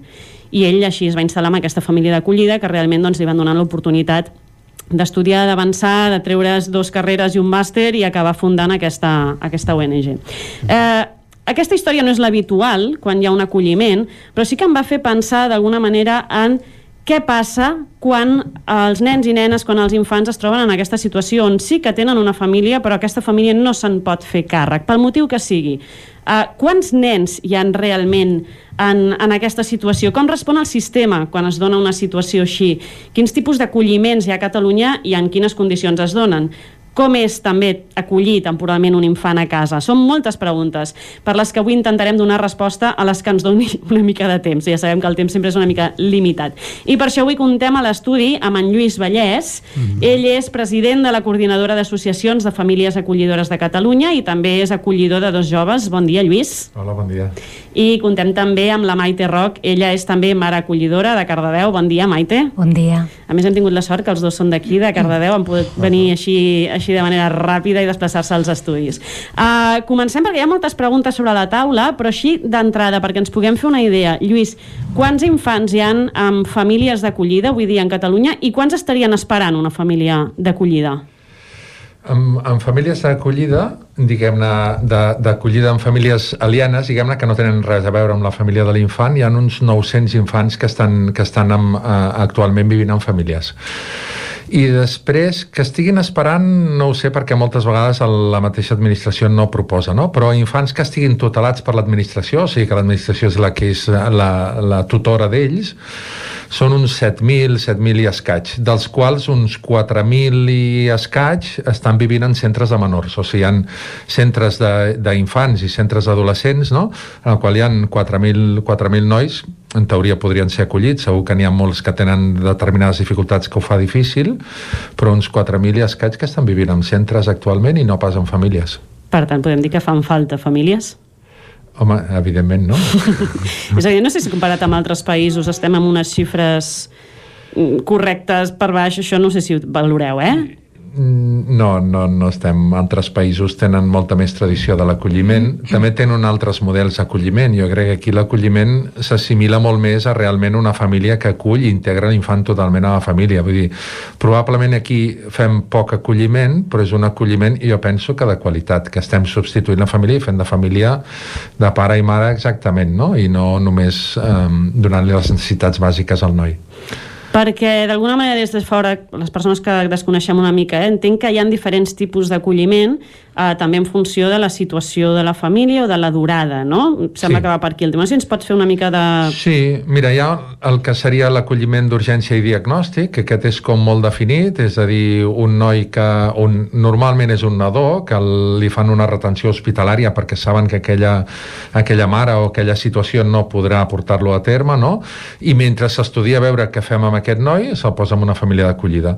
Això és una, en diuen urgència i diagnòstic, i més o menys pot pot durar uns sis mesos, a vegades dura un any, a vegades dura més perquè no se sap ben bé què, què passarà, i seria, diguem-ne, les persones que volen tractar nadons i amb una durada com molt definida, fins que no sapiguem què fem amb aquell noi i el tinc jo a casa.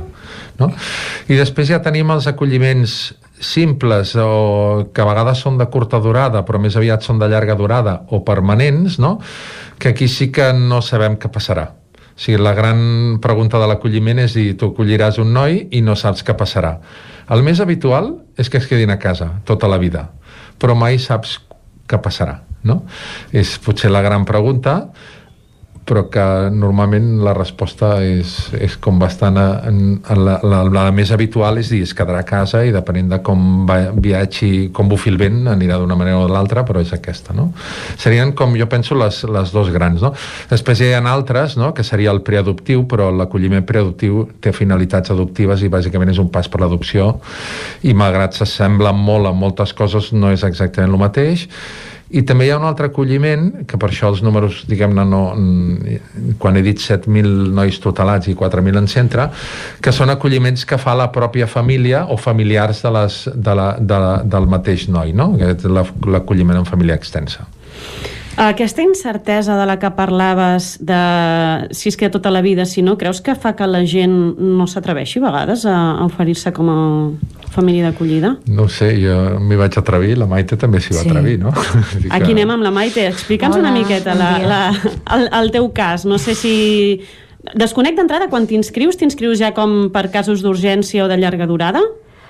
Uh, sí, Sí, sí, sí. O sigui, tu ja et vas oferir d'entrada... Jo em vaig oferir d'acollir un nen pel temps que fos. fos eh, en teoria no era d'urgència, jo era un acolliment simple, que és la que em donar, després ara ja soc permanent, de, després d'uns anys, i jo en un principi vaig fer-ho sense pensar en res, si el nen se'n va, si no, jo només volia ajudar a un infant que tingués les mateixes oportunitats que, que qualsevol infant amb una família més natural, no, no tan desestructurada.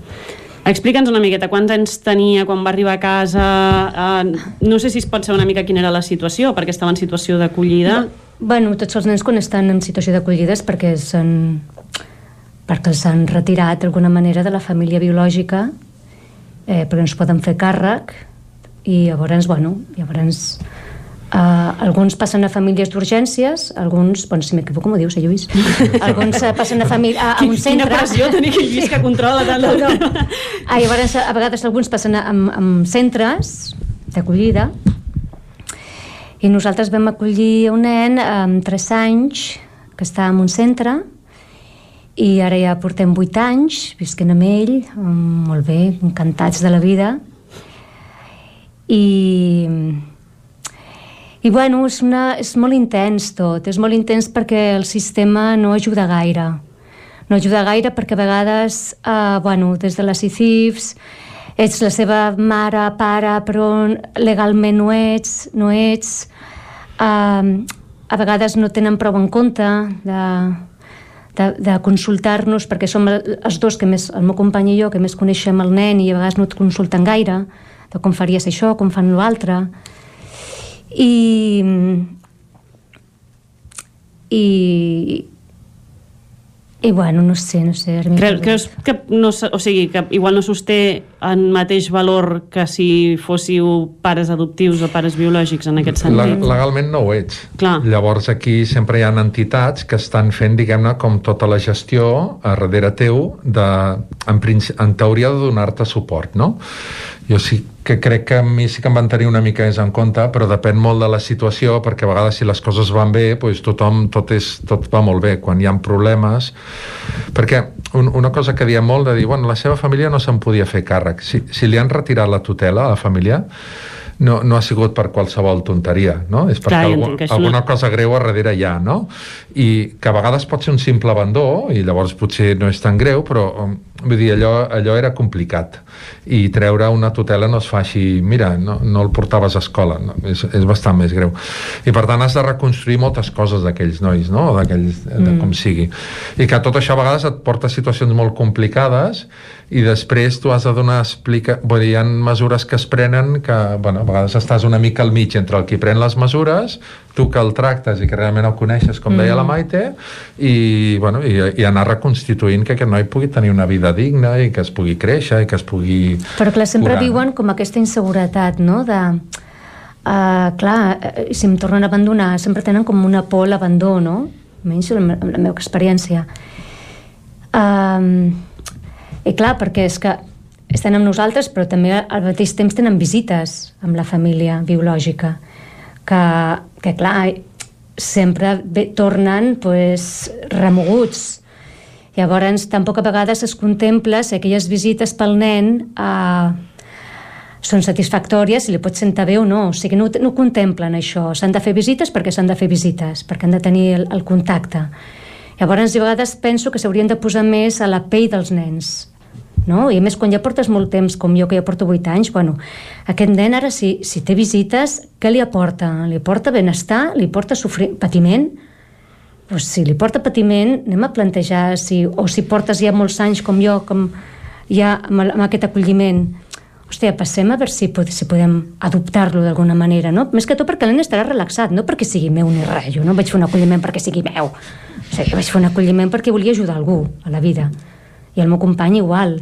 Llavors penso que es posen poc a la pell d'aquests nens i, i a vegades des de la ICIF, que jo he tingut, eh, bueno, no sé, no, jo no m'hi entès gaire, però tampoc a vegades li dic, bueno, hi ha algun objectiu de cara d'aquest nen que ja portem 8 anys què, què, què penseu fer? O sigui, que, que, com podem acompanyar-lo? Seguint igual, van sobre la marxa.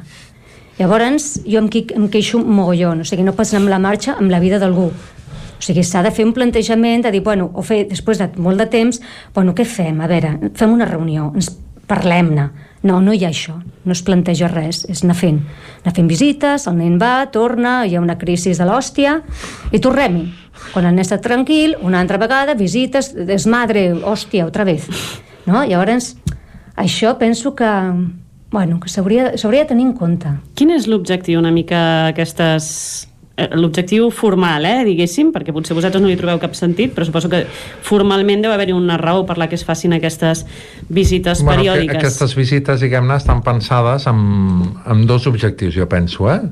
Un, un és per la possibilitat de quan retornin, però com ja he dit abans, això és la, la, la menor, eh, o sigui, el, és el que menys passa, però per quan retornin, doncs que hagin tingut contacte amb la família a la qual retornaran, no?, i es coneguin i tal. Aquest, aquí, aquí, en aquesta part, diguem-ne, el plantejament potser hauria de ser lo, lo que, el que diu la, que diu la Maite, no? De dir, depèn de quin objectiu tinguis, doncs les fas d'una manera o d'una altra, no? I després l'altre objectiu és, mm, jo penso que de cara a ells, no? De dir, bueno, que coneixin el seu origen, que coneixin els seus pares, que coneguin d'on venen, qui són, qui eren, no? que és una de les grans avantatges respecte a l'adopció. Jo soc do, sé d'on vinc, sé per què no puc viure amb els meus i he anat a parar a una altra família. Tot això ho sé, per un nen a vegades pot ser difícil de manegar, i, però bueno, i clar, depenent una mica de quin és l'objectiu final doncs pots fer-les d'una manera o de l'altra no? el problema és que jo penso que els adults tenim doncs, un ritme de dir, bueno, l'any que ve ja farem això l'altre farem allò i tal, no? per un nen un o dos anys o tres són molts no? i clar, dir, no, bueno, ara fem visites i l'any que ve ens ho tornem a plantejar no? I, i per ell un curs és tot un món no? I, bueno, I aquí jo crec que és quan plantejaves de dir, bueno, i sabeu quan retornaran o no, o si això frena? I si a mi alguna cosa frena més, és molt més aquest tema de la gestió de les visites i dels seus orígens, que no si marxaran o no, perquè un, nen, un fill natural també acabarà marxant en un moment o altre, eh? no saps què passarà i això, no? I llavors aquesta incertesa jo crec que al final existeix però està, no, no, no està en el dia a dia, en canvi les altres coses, el que t'ha passat, les teves visites, les teves dificultats, com t'adaptes a mi, com s'adapta aquesta esquizofrènia de mm. tinc dos pares, tinc dos mares o quatre pares, com pot ser el cas, no? Això és molt més difícil.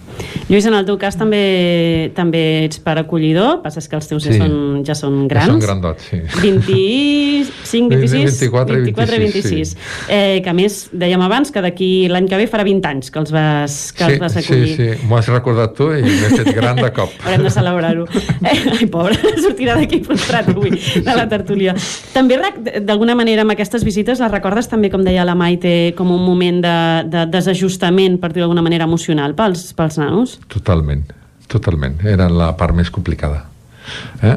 Les vam anar modificant a mesura, eh, amb la lentitud aquesta que explicava la Maite, no? de dir, però es van anar modificant, es van anar espaiant, perquè no, tenien, no, no hi havia possibilitat de retorn, cap al principi es va pensar com un retorn, i dius, però si no tornaran, què estem fent, no?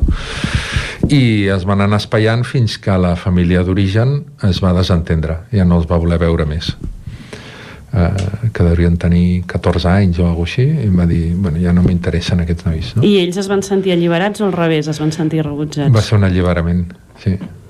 Que és que ha de ser complicat, no?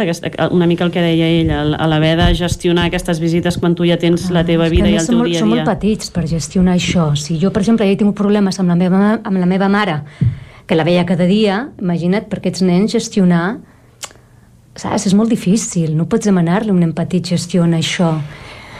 No, jo... no, sí, sí.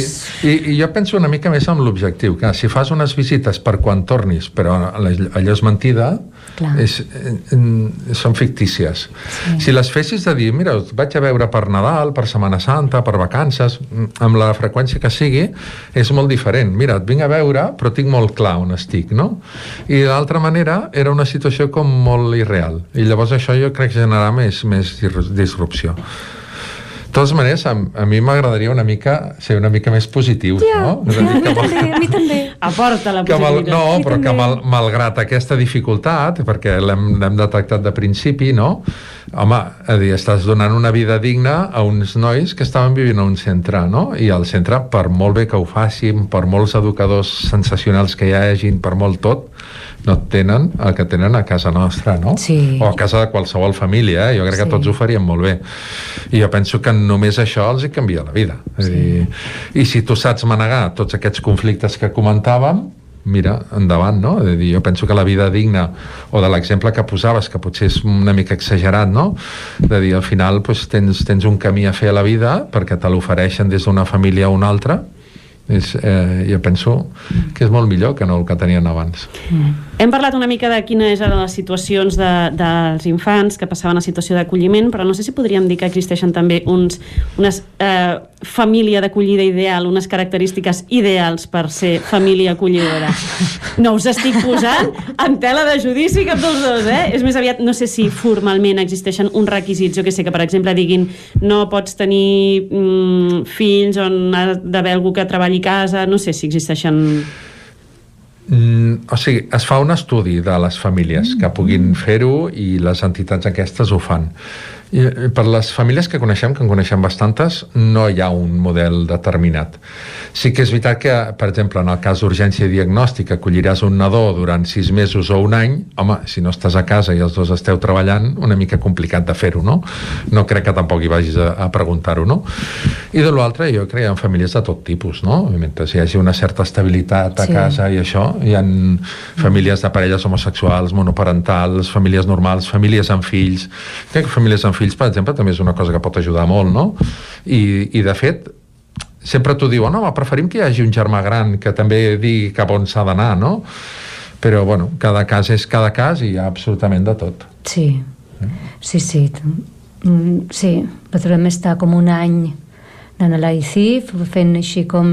ens feien com unes... Bueno, te fan un test, bueno, xerrar sobre el, el, el que et va passar a tu, la vida, no sé, per veure si ets idoni o no, no? I... És molt més ràpid que els processos d'adopció. Sí, just anava a preguntar, sí, sí, sí perquè sempre m'han explicat que els processos d'adopció són com molt llargs, molt farragosos, molt... Aquí passa una mica al revés. Una, que els infants ja hi són. Hi ha 4.000 i pic en un centre a Catalunya. No? no és, hem d'anar a buscar infants per acollir, no? I, i la segona cosa que passa és que com que la tutela la manté l'administració i és una cosa que és reversible no? és a dir, si passa alguna cosa podré tirar enrere no? el, el procés és molt, és molt més ràpid en un any normalment una persona ja, ja pot estar acollint gairebé sí. a no ser que tingui un, un, un perfil molt específic no? de dir ha de ser un nen molt petit, que tingui això, que tingui allò, però ja no, no acostuma a passar. És molt més ràpid. No sé si sabeu també si durant la pandèmia o fins de quina manera ha afectat eh, tot aquest eh, confinaments i tal en els processos d'acolliment. Vam patir-ho, vam patir, sí, sí, jo crec que el meu fill jo crec que li va connectar amb les, com que no veia els amics, vam estar tancats, jo crec que li va, li va connectar molt amb les seves pèrdues, amb les seves pors, i jo a casa ho vam patir-ho bastant, bastant, bastant, eh? I encara, ara que no, encara no pot fer com vida no, normal del tot, com abans, a vegades li costa estar com més rebotat, no sé. A nosaltres va ser bastant dur. Mm. Per, per la resta de situacions, sobretot que suposo que també preguntaves pel procés d'idoneïtat i tal, va, va afectar una mica les visites en les famílies biològiques, sobretot a la primera onada de la pandèmia, i en els processos d'idoneïtat, però després s'han seguit amb normalitat. Es fa servir més el Zoom, com fem tots ara, no? Vull dir que, però, però sí que s'ha, diguem anat, anat mantenint, no? De fet, va haver-hi una proposta que inclús eh, nens que s'apartaven a, pri a primera onada, no sé si recordeu de que alguns pares agafaven el Covid, els ingressaven alguns nens sense altres altre tema de família quedaven desemparats no? i va haver inclús una crida perquè la gent temporalment fes un acolliment allò també es va posar dintre de l'acolliment la, del sistema d'acolliment sí. uh, ja quasi per acabar, suposo que ens deuen estar escoltant famílies que potser s'ho han plantejat en algun moment allò de, ostres, podríem fer-ho, no podríem fer-ho i que potser deuen tenir uh, dubtes o, o inquietuds inquietuds, no sé si els hi què, què els hi diríeu d'alguna manera a vosaltres? O sigui, no, hi ha vegades que espanten més, en plan, pensa tu molt bé, o, o ara ja des de l'experiència animaríeu d'alguna manera més gent a, a passar per aquest procés? Vols la veritat o... sempre, per dura que sigui, sempre. Jo soc, soc la, la pitjor recomanadora com a mare sent mare, eh? des d'aquí. Jo sempre dic, penseu-vos molt bé. No, hi, hi ha una part di, di, difícil. Bueno, sí. això jo crec que la Maite coincideix amb mi, eh? Sí. Ja. És difícil, però jo ho tornaria a fer. Sí. sí, hi ha molt benefici, però has d'estar disposat a totes aquestes mm. dificultats. També repetiries? Sí, sí, no, també. Doncs, escolteu, amb aquest amb aquest repetiria i amb aquesta part més optimista i més maca que també ens deia el Lluís abans ens arriba la música del final del racó de pensar d'avui. Uh, Jordi Vicenç, de seguida us torno el relleu cap a Vic, però abans deixeu-me recordar que dijous vinent tornarem a estar aquí i parlarem del porteig de nadons. A més tindrem una demo aquí in situ a l'estudi. Així que res, seguim dijous vinent amb una nova tertúlia Made in racó de pensar doncs molt bé, Maria, fins dijous vinent. Ja ens has comentat el tema, per tant, ja estem alertats i avisats, eh? Uh, bona diada de Sant Jordi, per cert, eh? Bona diada, companys. molt bé. Molt bé. I Vicenç, ara ens toca tancar el programa d'avui, ja. Oh, I tant que sí.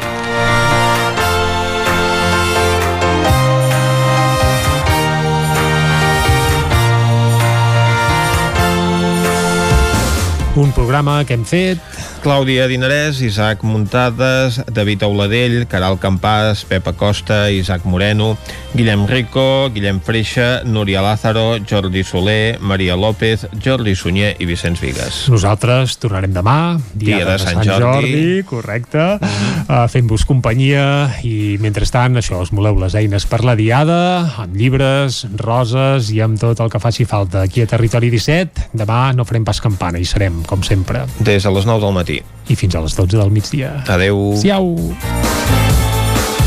Territori 17 un magazín del nou FM. La veu de Sant Joan. Ona Codinenca. I Ràdio Cardedeu amb el suport de la xarxa. El nou FM.